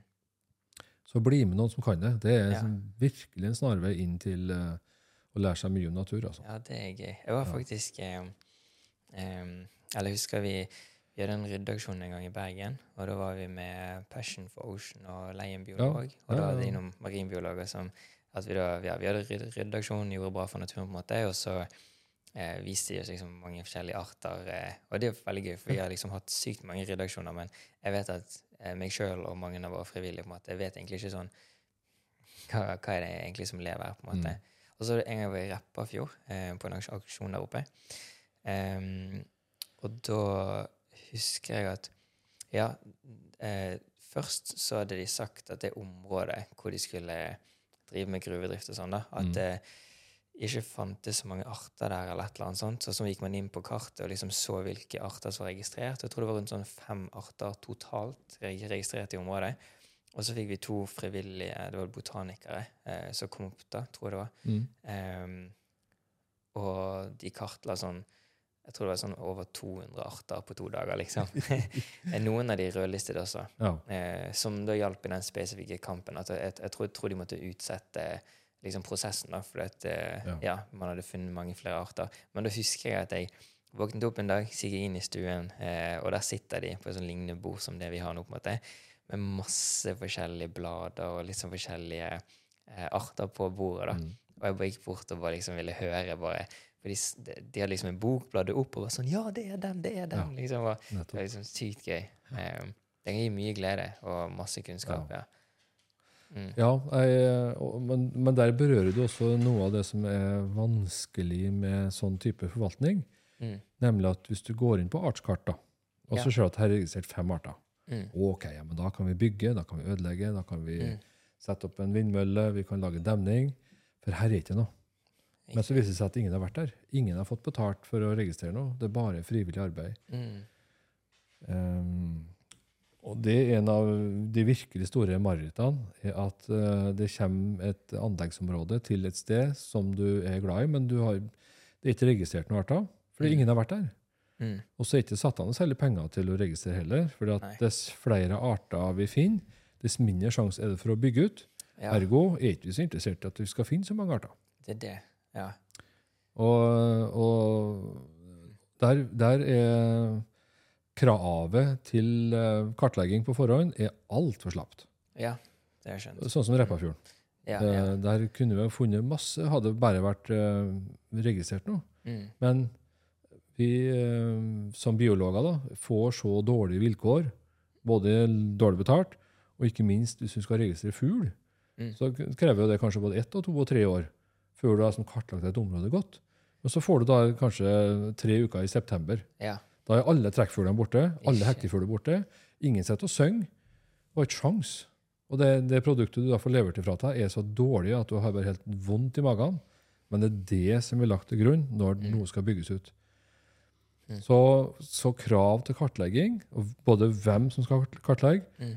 og når og hvilke, under hvilke rammer, må være mye, mye bedre. I framtida. Ellers så ender vi opp med at vi bare sakte, men sikkert utarmer vår norsk natur Mm. for ville arter. Og flere og flere arter kommer på rødlista. Mm. For at bevisst velger å ikke kartlegge et område. Mm. Eller, eller jobben blir så dårlig Mm. at det, det er ikke verdt noen ting. Ja, Det er veldig interessant. Vi ser jo det samme nå med sånn gruvedrift på havbunnen også. Så Ja. det er akkurat det det handler om. på en måte. At liksom forskerne og eh, liksom Miljødirektoratet og Klima- og miljødepartementet og liksom NORS og Universitetet i Bergen, eh, Senter for dyphavforskning, alle liksom de store instituttene og sånn sier at eh, vi, vi vet altfor lite om livet på dyphavet, så det er umulig for oss å liksom vite konsekvensene. Ja. Eh, men fremdeles blir liksom pushet fram eh, ja, politisk tidsplan nå som ser veldig skummel ut. da. Eh, så veldig interessant hvordan ja, hvordan det funker. Ja. Ja, det jo, og igjen, næringsinteressene pusher jo på. Ser at Mm. her er det milliardbutikk. ja, veldig. Eh, og det er jo skrikende behov for nye mineraler til, Mm. til vår, vårt grønne skifte. Det, Bare i en Ja, eh, ja. telefon så er det jo masse sjeldne mineraler i en sånn Mm. alt det her. Men vi har det så travelt. Vi har det så innmari travelt, og så blir det ikke satt av penger til å undersøke og gjøre gode undersøkelser. mm, For det er, det er så krevende. det er det. Det, Ja. det er skremmende, og det, og det går igjen overalt. altså. Ja. Og nå har jeg nye gullgruvene som kommer da, med dyphavsmineralene. Mm, Det er så krevende å kartlegge, og det er så kostbart. Og så blir det ikke satt av noen penger til det. mm, Mens eh, gruveindustrien med, med oljeekspertise bare peiser på i et vanvittig tempo. mm, Du har ikke sjanse til å henge med. Og så gjør vi samme brøleren en gang til. Vi eh, høster dyphavsmineraler fra disse store uh, dyp, uh, black smokers. Og så har vi ødelagt masse i mellomtida. Mm. Som vi da kommer etterpå og oppdager at vi har ødelagt det. Nei, det er Da det. er det for sent. Ja. Men ja, for Ja. Um, vi, det, det må jeg faktisk bare si at det tok faktisk litt tid. Uh, for ja, den ene organisasjonen som jeg er i, vi driver mye med redaksjoner. Ja. Og jeg husker første gang jeg leste på jeg tror det var Hold Norge Rent sine nettsider om at liksom, nå er det hackesesong, nå kan ikke dere rydde. Så husker jeg det var sånn Oi, ops. Liksom, det visste jeg ikke. Det har ikke jeg tenkt på, faktisk. Eh, så nå tar vi hensyn til det. Men ja, å tenke på flere sånne ting samtidig er veldig viktig. Ja. Det er det, vet du. Vi, men vi ser jo fortsatt at det arrangeres eh, plastdugnad i mai. Ja. Mm. Midt i hekkesesongen. Riktig. Ja. Men er det Jeg tror jeg spurte en gang òg at eh, om liksom Er det kun spesifikke steder, eller gjelder det overalt, på en måte? Og så fikk jeg iallfall svar at det er kun spesifikke steder. Men hva tenker du der? Eller hva, hvilken informasjon? Det er mange plasser vi eh, veit at det er fugl, men du ser dem ikke, for at de er, de er så bortgjemt og gjemmer seg litt. da. Ja. Men eh, hva skal vi si? Eh, når du tenker spesifikke plasser, så er det jo omtrent samtlige holmer og skjær Mm, hvor det finnes en sånn strandvoll. mm, Der hekker det fugl. Ja, Og da er det ofte fugler du ikke ser. Eh, sandlo, eh, Kjell Kjell sier jo fra, men sandlo sier sjelden ifra. Mm, En del arter som ikke sier fra. nei. Og så tror du at her er det fritt leide, Riktig. ja. og så er ikke det likevel. Nei. Men du er der lenge nok på den stranda til at eh, eggene blir kalde og blir ødelagt. Ja. Så eh, anbefalingen er å holde seg unna, Ja. egentlig. Altså ikke ha aksjoner i mai, men heller ha dem i mars. Ja. Tidlig april, før par, pardannelse, før egglegging. mhm, I mai skal du ikke begynne å rydde plastikk. Nei. Og så starte igjen på sommeren. Ja, altså jul, sent i juli, da er de fleste ferdige. OK. Ja. Mellom der, bare lett det være. Riktig, riktig. For, for, for folk, for fugler kan legge om igjen.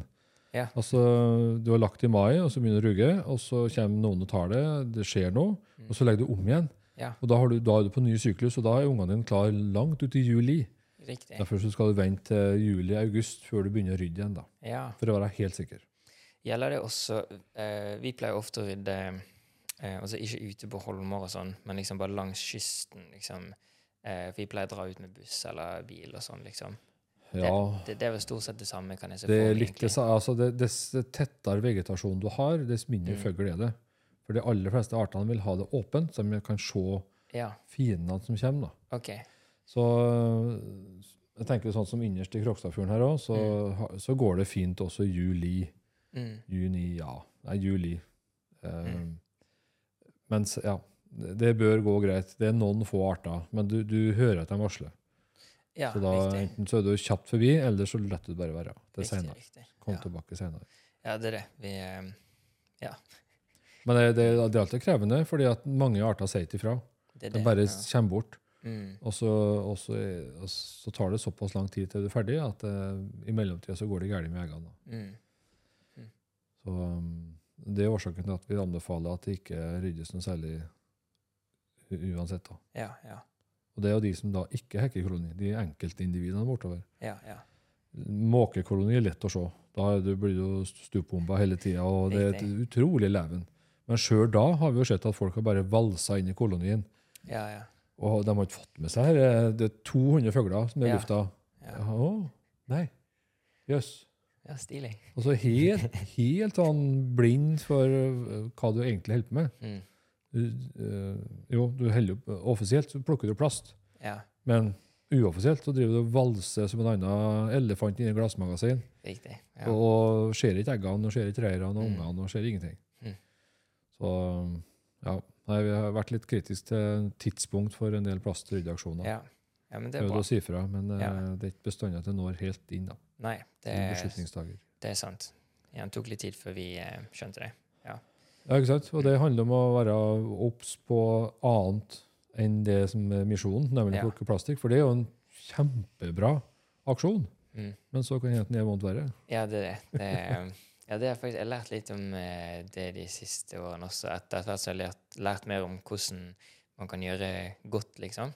Um, så kom det inn i sånn miljø, på en måte, eller sånn tankegang som heter sånn effektiv altruisme. Så måte, Ja. Hvordan man på mest effektiv måte kan gjøre godt. da.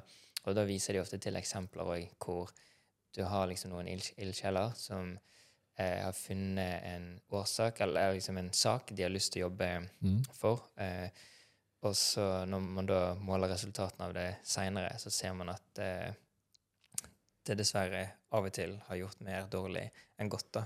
For du er veldig spisset inn på én spesifikk sak. Sånn, sånn, sånn som her for eksempel med plast, og så glemmer du andre ting som det påvirker. da. Ja, Eh, mm. Ja. Ja, eh, igjen, ha flere tanker i hodet samtidig. Det kan av og til være Mm. krevende. altså. Har du noen andre eksempler på hvor det kan være krevende? Nei, egentlig ikke. Sånn eh, at det, måtte være altså rydde fremmedarter, da. Altså det som står på fremmedartslista. Mm. Eh, det har vi også sett har foregått i hekketida, da.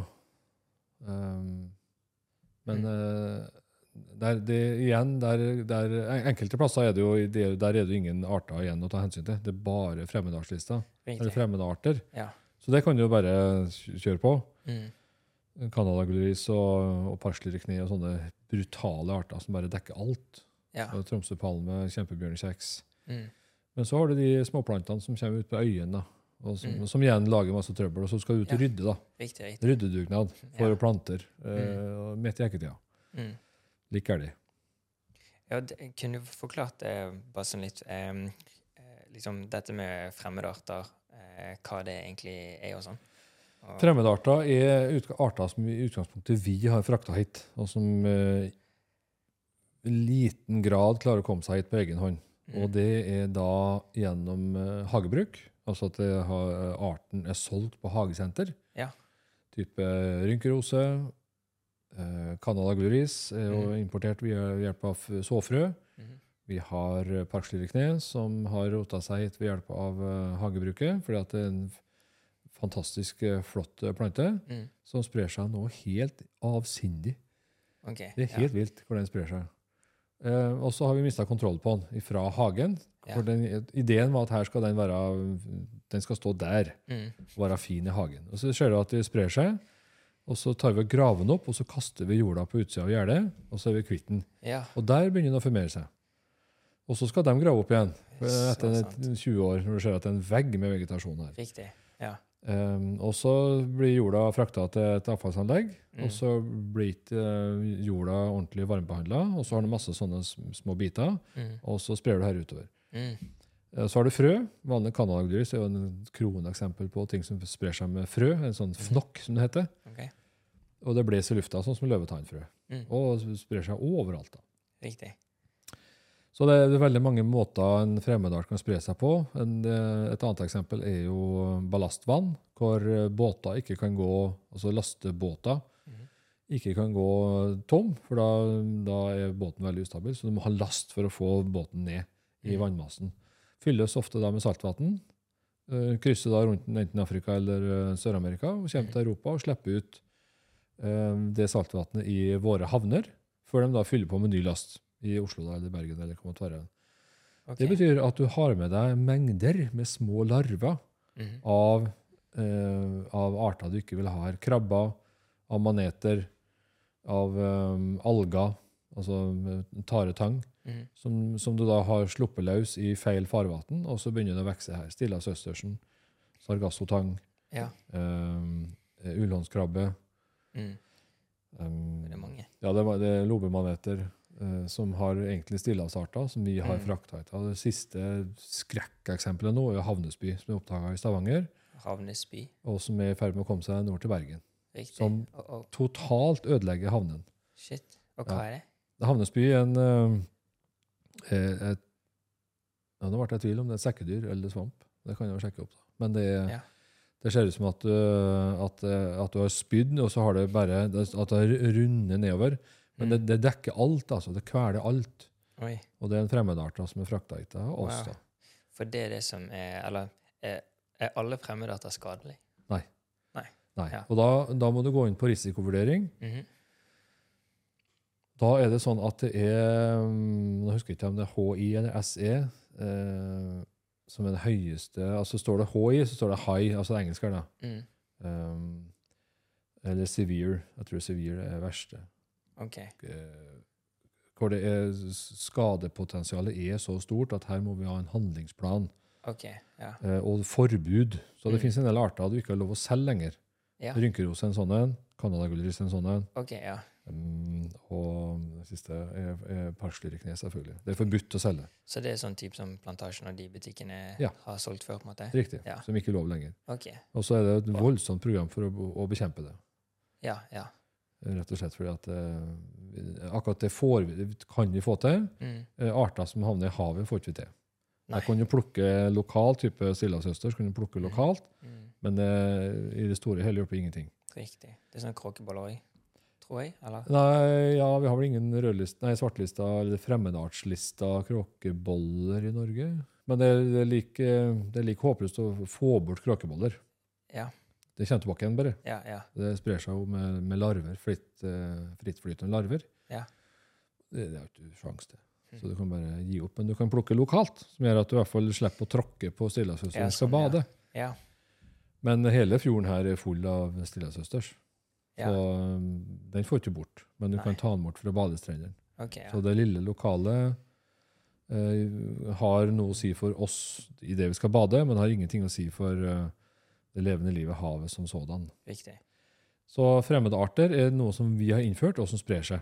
Mm. Noen er helt banal, Mm. spiller ingen rolle, Ja. eh, gjør ingen skade. Det er bare en liten pusleplante eller en liten Ja. pusleinsekt som ikke gjør noen ting. Mm. Helt opp til de som raserer og ødelegger og er virkelig en plage. Riktig.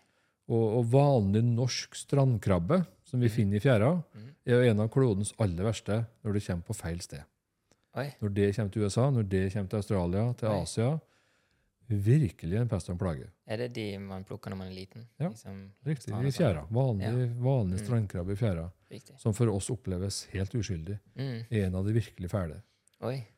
Så eh, art på feil sted Mm. kan være virkelig en krise. altså.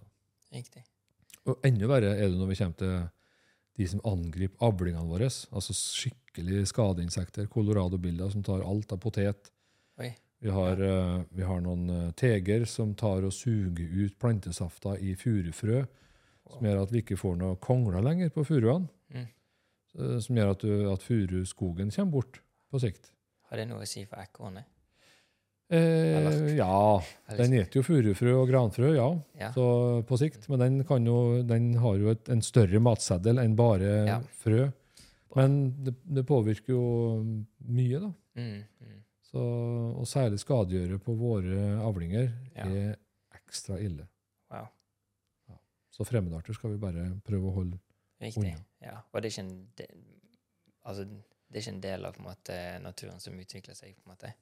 Eller det er jo det, men Jo, ikke den altså vi har jo, altså naturen er jo i konstant spredning. Det er jo ingen, naturen er jo ikke en, en stillestående situasjon, så det er en, det er en dynamikk her. da. Mm. Men vi kommer å ødelegge den ved at vi introduserer arter som alle i verden har klart å komme seg ut på egen hånd. Riktig. Ja. Og Mm. ekstra ille er det når du har sårbare økosystem Mm. som ikke er vant til konkurranse. Altså, eh, eh, alle land i Europa eh, har jo hatt en, en uh, trafikk som har pågått i tusenvis av år, med handel. Mm. Men så kommer vi til sårbare områder, sånn som Australia, New Zealand, Hawaii, Madagaskar. Mm. Når uh, konkurransesterke arter kommer inn på sårbare områder, Mm. kan de overta fullstendig. Riktig. For de har ikke Der er det ingenting å konkurrere med. Mm. Kanin i Australia, for Mm. eksempel. Totalkrise. Ja. Det er som hundrevis av millioner med kaniner som du ikke får gjort noe med. Wow. De innførte jo vanlig standard kaktus. Men ingenting som et kaktus, så det tok jo helt av med kaktus. Ja. Inntil de innførte en liten bille som Ja. et opp eh, kaktusen. da. Okay. Så eh, av og til går det bra, Mm. stort sett går det veldig dårlig. Riktig. Ja. Er det veldig vanskelig å få kontroll på det igjen, kanskje? Klin umulig. Liksom, ja. Hvis du ikke treffer helt riktig, da. Sånn som eh, um, Hva var det på Hawaii? At de innførte en uh, snegl som skulle ta livet av en annen snegl som de hadde innført. Ja. Men den sneglen som de var innført i utgangspunktet, var jo Mm. mye raskere Ja. enn de lokale sneglene. Okay, ja. Så den snegla som skulle ta, rydde opp, da, Ja. den tok jo de lokale sneglene.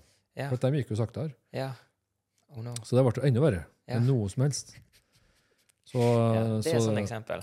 Når man tror man gjør bra, så Ikke sant? Du tror det er noe bra, og så blir det ti ganger hver. Riktig. Ja. Oh, wow.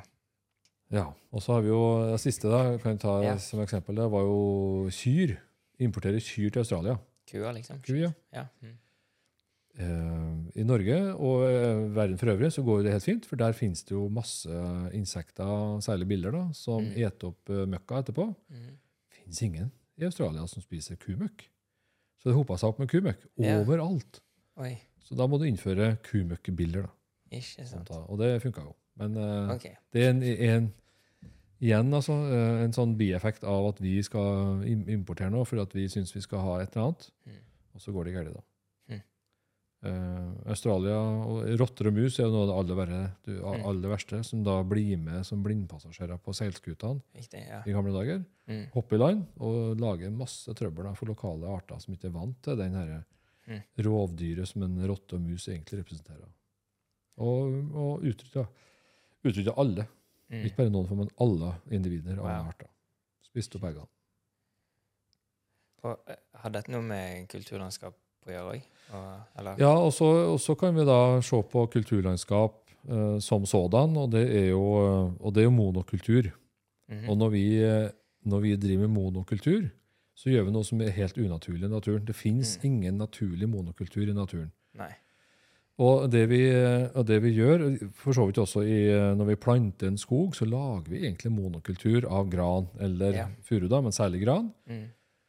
Og det vi da gjør, at vi fjerner alle de plassene hvor uh, type rovinsekter kan bo, Mhm. hvor, uh, hvor andre arter kan bo, som kanskje kan håndtere den sykdommen som da må komme Mm. på en monokultur. Mm.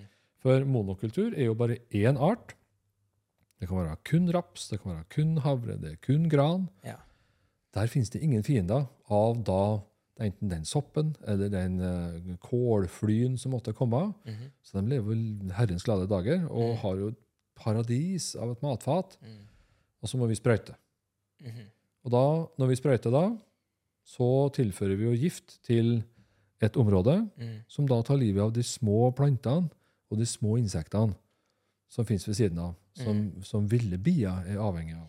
Mm. Så vi gjør sånn vondt verre. Ved å, ved å håndtere den ene skadegjøreren, Mm. så tar vi livet av masse annet. Riktig. Det er ikke det verste. Det verste er kunstgjødsel.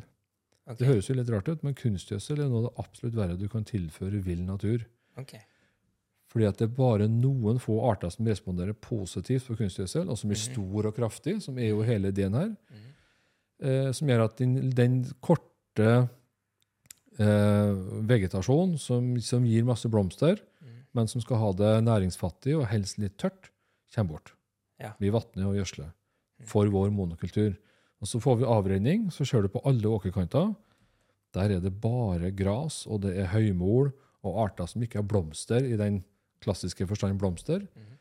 som insektene har null interesse av. Mm. Og som gjør at uh, antall bier på kloden går jo rett ned mm. fordi at vi har på kunstgjødsel. Så kunstgjødsel er mye verre enn plantegift.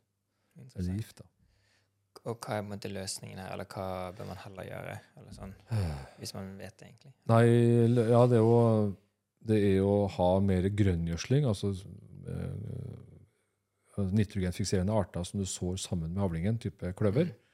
Her er en kløverart som, eh, som fikserer nitrogen. For det klarer ikke eh, plantene sjøl, så du må ha noen som gjør det. Og da har du Ja. de som har samarbeid med bakterier på rotknollen, Mm. som kan klippe i stykker dette nitrogenmolekylet og gjøre dem til nitrat og nitritt, Mm. som plantene kan ta opp. Ja. Uh, mye mer av det. Mm. Mye mer smart gjødsling, altså mye mindre, men mye smartere gjødsling. Mm. Um, og på uh, kanskje andre tidspunkt ikke høstpløying, for at da har du masse utvasking av næringsstoffer i bekker og vann og vassdrag, Mm. som igjen tar livet av Oslofjorden, Mm. som er sånn, sånn en ny sak i disse dager. Uh, og kanskje vi må mer over vi må bort ifra uh, kunstgjødselintensivt eh, landbruk. Mm. Da må vi akseptere at eh, noe av avlingen går ned, men vi får opp desto mer andre arter som faktisk klarer seg. Igjen tilbake til de som vi snakka om litt tidligere. Arter som er, ikke betyr noe for økonomien, tar vi ofte Mm. ikke hensyn til. Men så ser vi sekundæreffekten er at insektene kommer bort.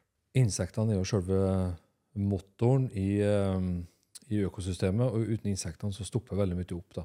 Det er jo altså all, all omsetning, altså insekter og leddyr generelt, alle insektene sørger jo for omsetning av organisk materiale fra et, en plante dør til det blir jord igjen, det kan gjenbrukes da.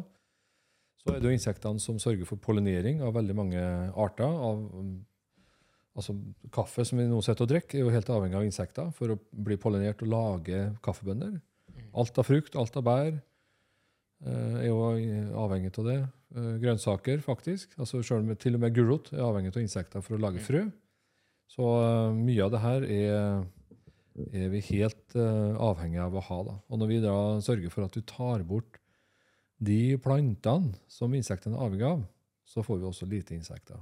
Og der har landbruket et særdeles stort ansvar. Mm. Fordi at det er der i kulturlandskapet at det aller fleste av blomsterplanter finnes. Da. Og når vi tar livet av blomsterplantene, så tar vi også indirekte livet av insektene. Som da ikke har noe mat lenger. Verken til seg sjøl eller til sine egne unger. Mm. Pluss at vi da ser det direkte på fuglene, som da er avhengig av å, ha nok mat tilgjengelig når ungene kommer. Det så vi i år. Jeg har aldri hatt så dårlig hekkesuksess i mine kasser. Ca. 160 fuglekasser. Tre Oi. kasser hadde unger. Oi. Fordi at når ungene klekte, så var det, det var en lang og kald vår. Mhm. Eh, og, og når ungene klekkes, så er det ikke noen insektlarver ute som, som foreldrene får tak i og gir til ungene sine. Viktig. Å, wow. Uh, pluss at de da som kommer fra Afrika, mm -hmm. uh, ikke får med seg det at, at våren kommer tidligere og tidligere. Mm. Uh, og de kommer da helt i utakt med den maten som de før var avhengig av, Mm. og kommer for seint, legger egg. Og når deres unger skal ha mat, ja, så har de voksne larvene, eller larvene blitt til voksne dyr, har flydd. Mm. Så det er ikke noe, og, og, og det ser vi stadig at er, de, er u, de er usynkron. Før så var det ganske finstemt synkronisert Mm. med når insektlarvene kom, og når fugleungene kom. Det var ganske likt. Nå er det 14 dager forskjøvet på en del arter. Mm. Og så kan jo våren selvfølgelig variere med veldig varm vår, kald Ja. vår. Så, og det ser vi at det endres øh, Den stabile våren er borte. Det blir enten, det, naturen er i så kraftig endring, og fuglene klarer ikke å henge med. Riktig. Så det første vi ser det på, er fuglene. Ja. Og så begynner vi å lete etter årsaken, så ser vi at insektene er borte. Mm. Og så ser vi at biene er borte. Det blir dårligere uh, pollinering på en del arter. Mm. Så uh, jeg liker ikke utviklingen, altså. Nei, jeg er enig i det. Ser den. Um, og og bare, bare for å være helt sikker, sa, sa du at det var 160 uh, fuglehus? Jeg har eh, 160 fuglekasser, ja. ja. Wow. Ja, da hører du at du er engasjert. For, for, Jeg hører med til de som er engasjert. det- det- Men han ja. som har flest, har jo 600. Oi, er det naboen, holdt jeg på å si? Mm. Eller? Han bor i Sarpsborg, ja. Ok, ja. Men eh, han opplever det samme, at det enkelte år så er det totalkollaps. Ja. Det er ikke noe mat når ungene, fuglungene kommer ut. Eller ikke kommer ut, men når fugleungene skal ha mat, Ja. så er det ikke noe mat. Nei. Og så gir foreldrene opp. Som en slags oppsummering på alt dette, på en hvorfor, tror du alt dette skjer, eller det går den veien det går, eller hva Egentlig Hva så er det ganske både vanskelig og enkelt å svare på det. Og Ja. hovedårsaken er at vi i altfor liten grad hensyntar de artene som ikke betyr noe oss økonomisk der og da. mm. Vi er veldig gode, eller gode, på forvaltning av villaksen, på elg, altså på storvilt. Mm. Eh, For der har, vi en, der har det en stor økonomisk betydning. Det er milliardomsetning Mm. totalt sett. Og så er vi katastrofalt elendig på de artene som ikke har noe indirekte eller direkte betydning på lommeboka vår. Hvem har laga forvaltningsplan for urskogstjuke, storporet flammetjuke, Mm. eh, haugevis med biller, sjeldne arter på plantesida? Mm. Det er null og niks. Og, og vi ser også at budsjettene for å ta vare på sånne arter, både for å kartlegge og ivareta, Mm. er next to nothing. altså. Det er Mm. så dårlig at en blir bare frustrert. Mm. Og antall arter på rødlista øker og øker for hver gang den blir revidert. Riktig. Ja. Så vi evner ikke å tenke på den i utgangspunktet unyttige delen av det biologiske mangfoldet, som vi Mm. nå innser er veldig nyttig for oss, men Mm. Indirekte, pluss at det er ingen som tjener penger direkte på den. Og da blir den heller ikke hensyntatt. Heftig. Tusen takk, Rune. Bare hyggelig.